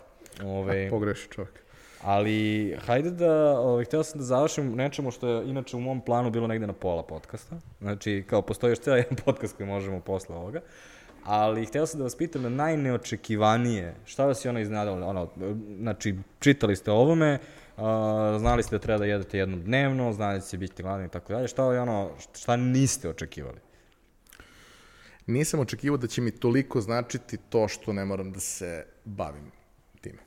Što, ono, samo jednom dnevno, a obično par dana unapred imam neki plan kad znam i koji mi je raspored i gde ću biti, jer kao, mislim, opet ću sad odem u digresiju, ali jedna, jedan od glavnih problema zašto je meni uvek e, bilo izazovno da držim bilo koju vrstu neke regulisane ishrane, ja, brate, ne znam gde ću da budem kad. Odnosno, ja znam tačno gde ću da budem, ali to taj moj plan ne funkcioniše po principu ja sam svaki dan od 9 do 17 u kancelariji, nego ja imam set stvari koje radim i obično volim da mi dan izgleda ovako, ali kao nekad idem na neki sastanak na nešto i ja ne mogu da isplaniram, ima dana kad ne odem u kancu uopšte, ili odem u 9 uveče u kanc, pa kao tad nema nikog super je. Ovaj, kao šta, šta sve tu treba da se desi. I to kao, znaš, mi, mi ti dostavljamo tri obroka dnevno, a de mi dostavljate? Jel se jurimo po gradu oko toga ili šta? Koliko to ono rešava psihički pritisak koji, mislim, Zvuči pre mnogo glupo, ali to jeste problem. Kad, kad, onačito kad si ono, u kancelariji, tu je x ljudi i svi su krenki i svi su gladni i sve se treba se dogovori šta će ko da jede. Kao, brate. Pa kao. E, ovim rešavaš dobar deo tog problema. Jedna od stvari isto, ja kad sam bio mlad i, i mršav i, i lep i super, ja sam mnogo voleo da ove, se super obučem. Ja godinama bre nosim ono, papuče, shorts, uma, trenerku baš ako mora, patike samo ako se ide negde zvanično da, da mora. I, kao I to majice. za basket. I kao, to je to, brate, ono, znaš, e, nisam, nisam job, samo mogu da pogledam, kao meni su problem sa odevanjem rešili moji drugari Johnny i Neca iz Dečko Cara kad su rekli, što ti nemaš nijednu našu majicu? Kao kupio si do sad 500 majica, što nemaš nijednu našu majicu? Pa, brate, nestaje. A, mm. sad ćemo mi da ti pravimo custom fit svega što napravimo. Kao, vrate, ja samo to nosim. Mislim, ono, to rešava jedan deo problema, jer je mnogo lepo kad ima gomila nečega ovaj, i ti dođeš i uzmeš bilo šta i obučeš i to je super, jer je super. Mislim, ja obožavam to što oni rade. I kao sve što treba drugo da, da, da vidiš je kao sa, sa ono, što sa gaća, koje, koje su gaće na vrhu i shorts isto tako. Kao meni treba ono 20 minuta manje i 50% stresa manje u prvih 4 sata dana zato što sam to rešio tako. I gomila drugih stvari isto i ovo je jedna od takvih stvari. Da, kao, znaš, ono, zovete neko ko ne zna i kaje, mogli bismo baš da idemo tamo da obično idemo. Ne možemo da idemo. Možemo sutra za ručak kako hoćeš, pa se prepakujemo, pa odemo tako, pa, znaš, ko ja manje više gde god da odem, mogu da nađem nešto što, što, što mi odgovara to, to je najveći benefit. Drugi najveći benefit, već smo pričali o tome, je činjenica da je nivo energije zadovoljavaju iz celog dana, da nema momenta kada sam sad onako brz i lud, ali nema ni momenta kada sam slina. Nego sam sasvim, sasvim, sasvim upotrebljiv, lepo spavam, to mi omogućava da ono, mogu stvarno da, da budem vrlo funkcionalan, to mi je, to mi je super. Stefane? Pa ne znam, ja se budim pa skoro pa brzi lud. Onako, izbacio sam jutarnju kafu. To mi je bilo najveće ono, iznenađenje. Što ranije sam onako prvo ustanem, ne pričam ni sa kim dok ne popijem kafu, sad se budim kao skroz cool, ne popijem kafu, popijem ono malo limuna i vode i udri kao krećem u dan. To je meni fascinantno. Za mene je najveće iznenađenje uh, bilo koliko mi nedostaju ukusi uopšteno. U smislu, pošto ono, uh, nismo pomenuli kao uz uh, fasting piješ jako puno vode, jer kao mnogo, mnogo teže zadržavaš vodu nego što, nego što je inače i onda ti si rekao piješ Ti si imao neki šokantan, to 9 ili 10 litara si rekao da piješ tada. A, sa, ne, sad pijem, ne, ja sam uvijek pio dosta vode, da se razumemo. Ovaj, a, u periodu pre fastinga sam pio baš ekstremne količine, je jedna od stvari koje su isto posledice insulinske rezistencije, takozvano pojačano žeđenje. Ovaj, to pojačano željenje je značilo da, brate, ja sednem da jedem, naručim kiselu, naručim drugu kiselu, naručim šest kiselih velikih, popijem šest velikih kiselih u periodu od dva sata. Što onda dalje izaziva to da noću ideš tri puta, jer kao koliko god da je sve ispravno i to jednostavno, mislim, količina je masa je mama. Ovaj, sada ne, ne toliko, ali sada je to neka zdrava, normalna količina i da, jedna, brate, od stvari koja meni, ono, kad se trenutno iznerviram oko nečega, umesto da odem i da pojedem policu u frižideru, ja odem i uzmem flašu vode i popijem i to je okej. Okay. Sad nije dobro ako baš se u toku dana 10 puta iznerviraš, onda ideš okolo, ali okej. Okay, Meni je više zato što ono, ukus, vo, ono, prvo znaš da si odrastao kada počneš da razlikuješ ukuse različitih voda, ali kao taj ukus vode generalno je počeo da me ovaj, zamara i onda uh, toliko cenim limunadu, uveče, jer kao imam bilo kakav ukus koji uđe i ti si pričao o čaju koji spremaš. Ja sam izbacio limunadu, odnosno izbacio sam limun skroz. Ja generalno baš uh, ne volim gorke ukuse uopšte, a ne prijeju mi kiseli ukusi. Recimo, ja volim Granny Smith jabuke jako, ali ako nisam jeo ništa pre toga, mučit će me kiselina i nije to dobro. Ista stvar sa limonadom. Jedno vreme sam pravio ledeni čaj sa ono kao u bokal iscedim još jedan limun. Pored toga izbacio sam limun, pravim i dalje ledeni čaj svoj. Uh, I to mi je cool. Uh, cool mi je sve što mi daje neki dodatni ukus. Recimo, uh, nema veze sa konkretno fastingom, ali ima veze sa prethodnim ishranama na kojima sam bio, gde mi je jedna od stvari koje su mi super funkcionisale, bila kiselo mleko. E, ali ima trik. Pošto, mislim, kiselo mleko je fantastično prvi put kada probaš. I drugi, više ko voli. I treći. I 15. put je okej, okay, brate. I 17. put je okej. Okay. Aj, brate, 30. put kad ti neko pomene kiselo mleko, ti ćeš da, ono, pojedeš zid. Ali ima trik. Svaki proizvođač kiselog mleka pravi drugačije slično je, ali je dovoljno različito da ti je to. Okay. Odeš, kupiš umesto da kupiš ono pet istih, kupiš pet različitih. I potpuno ti ono, i strukture, to je sve minimalne razlike, ali kad već dođeš u fazu da, ne, da nisi overwhelmed ukusima, to je dosta bitno, to ti pravi... svi ukusi su različiti. Recimo, razlog zašto ja, kao što sam rekao, napadam voće u poslednje vreme, meni, se, meni je kao taj ukus voća koji ti imaš posle celodnevnog posta je totalno drugačiji nego što sam nekad pamtim kako je, ono, kako je imao, kako sam, kakav je bio ukus voća. Takođe, kao svu hranu koju jedem tada osjećam daleko ono, drugačije i e, daleko više se radujem i planiram hranu. Znači, bukvalno, ono, e, tipa, rešim da ću jesti kajganu, to jest jaja na oko baš mi se prijelo, uz ono slaninu. I kao, ja, ja sam toliko ono ceo dan u fazonu kao, dobre. I onda kao gledam moju ženu koja je na normalno iskreni, koja je u fazonu, joj, ništa mi se ne jede, ne znam, kao. Dobro, znači, žene kao, imaju taj moment, ja to nikad neću moći da razumem. Ne, ali kao imaš ono kada te ne inspiriše ništa, nego kao eto nešto ću iz frižidera. To je ono, ne, ona, ne, nemaš kao ne. nešto sad. Ne? ne, ovaj, sa bivšom devojkom sam imao taj jedan moment gde, gde ona kao, eto, znaš, mislim, ja ne volim da jedem. Iako, znaš, kao, šta joj je? Je li sve okej okay, da, da nije oštećen?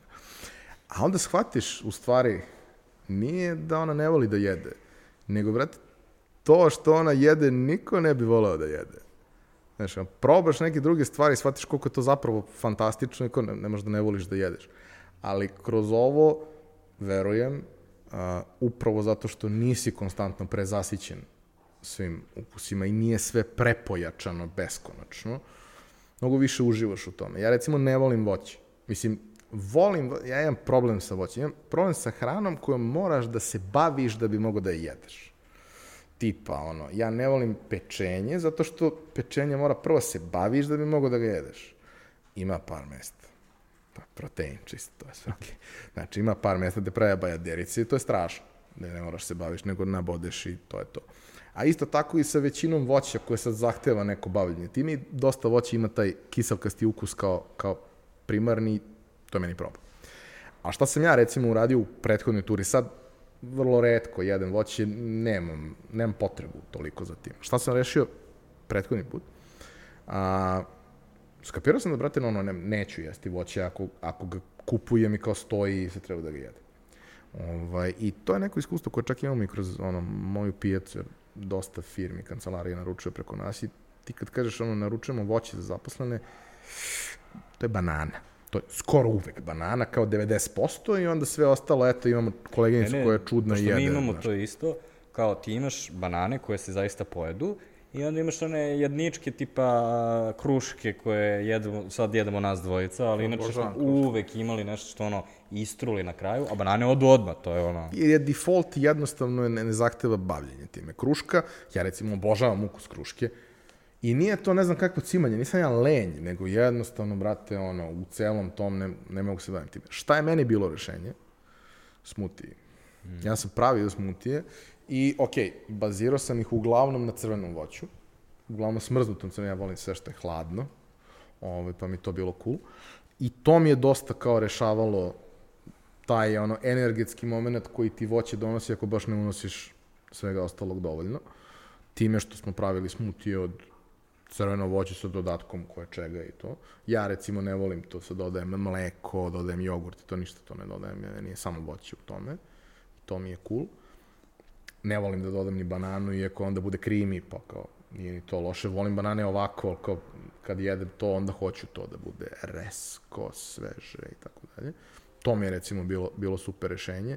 I uvek mi je bilo super rešenje a, kad napraviš sebi opet, mislim, to da što sam ja malo tako poseban, ovaj, kako da funkcioniše tako nešto, tako što napraviš sistem. Šta znači u ovom slučaju napraviš sistem? Tako što radiš nabavku, tako da suštinski stvari budu modularne. A, hoćeš jedeš doručak, mene smara da pržim jaje, iz razloga što to prska.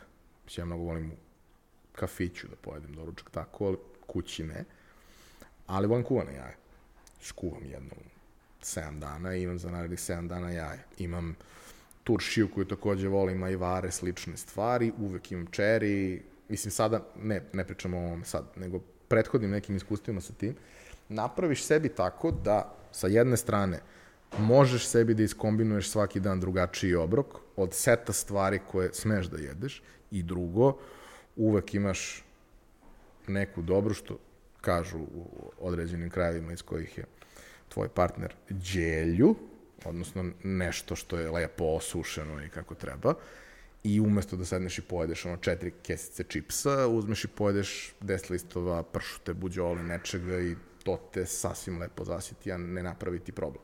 Ja sam uvijek tako strukturirao stvari, meni je to funkcionisalo, kao naš ujutru, ja, brate, smara me sad da jedemo ovo, ok, neću stavim to, stavit ću neke druge dve stvari i uvek kad sam imao napade gladi, ono, iz kog god razloga, uzmem, ali iz tog, ono, pula stvari koje su mi ok, pojedem nešto i, i, i to mi funkcioniše. Tako da, ono, može sve da se napravi, ko, ko voli i ko je, ko je ovaj, posvećen i, i lud i ko je spreman da se istima da nađe šta mu radi.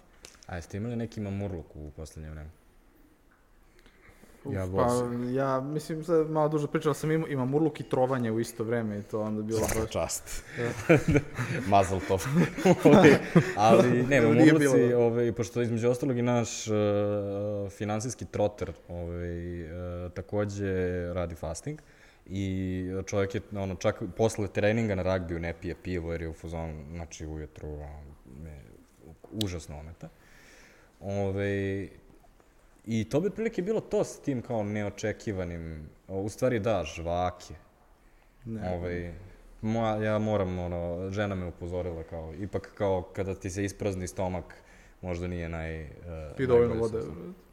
Pa pokušavam, znači ne znam koliko više vode da popijem, bukvalno. Imao sam ja te momente u prošlosti sa, sa ono, raznim ukusima žvaka, opet zbog toga da bi nekako sebi dao još jedan novi ukus koji, koji ubacuješ, meni iskreno čak, mislim da sam to skapirao, sad mi više nije problem.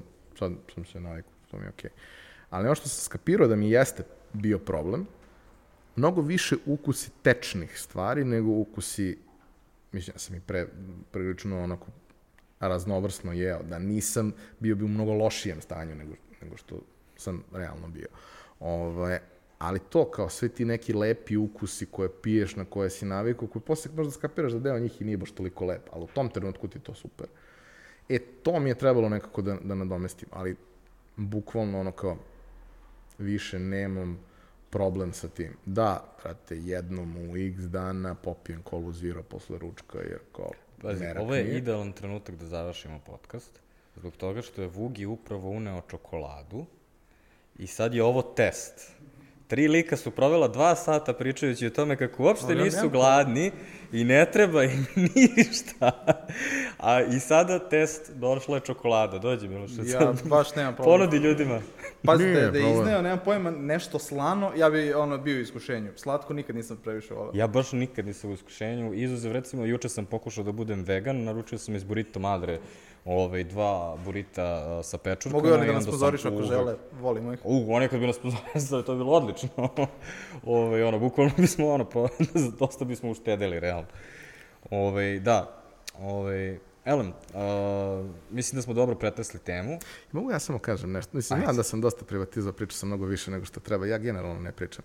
Ovaj, I onda tako ponekad kad Ne, dođe. tebe u stvari boli što pojačalo uglavnom traje sat, sat i po. Pa si, ono, sad si rešio da konačno kažeš šta ne, imaš. ma ne, ma ne, to kad bude išao na Balkan Info. Dva put sam odbio, ali treći put verovatno neću. ovaj, ne, samo ne, sam možemo i to, čekaj. teško. Ivane, veruješ li u vanzemaljce? Ne, sa, ali, ali ljudi gušteri, mislim da je to vrlo jedna realna priča. Ovaj, Volio bih da kažem jednu stvar, možete i da je i sečete posle ako, ako mislite da to ne treba. Ovaj, kao stariji kolega, bih volao da kažem da sam jako ponosan na tebe uh, i prvo čestitam ti uh, što si postao tatko, to je super. Hvala. Druga stvar, volao bih da, da ti kažem da sam jako ponosan na tebe i na gospodina ovaj, iz Užica i ponos, posebno sam ponosan na tebe što si uspeo sa nekim iz Užica da, da, da uradiš nešto.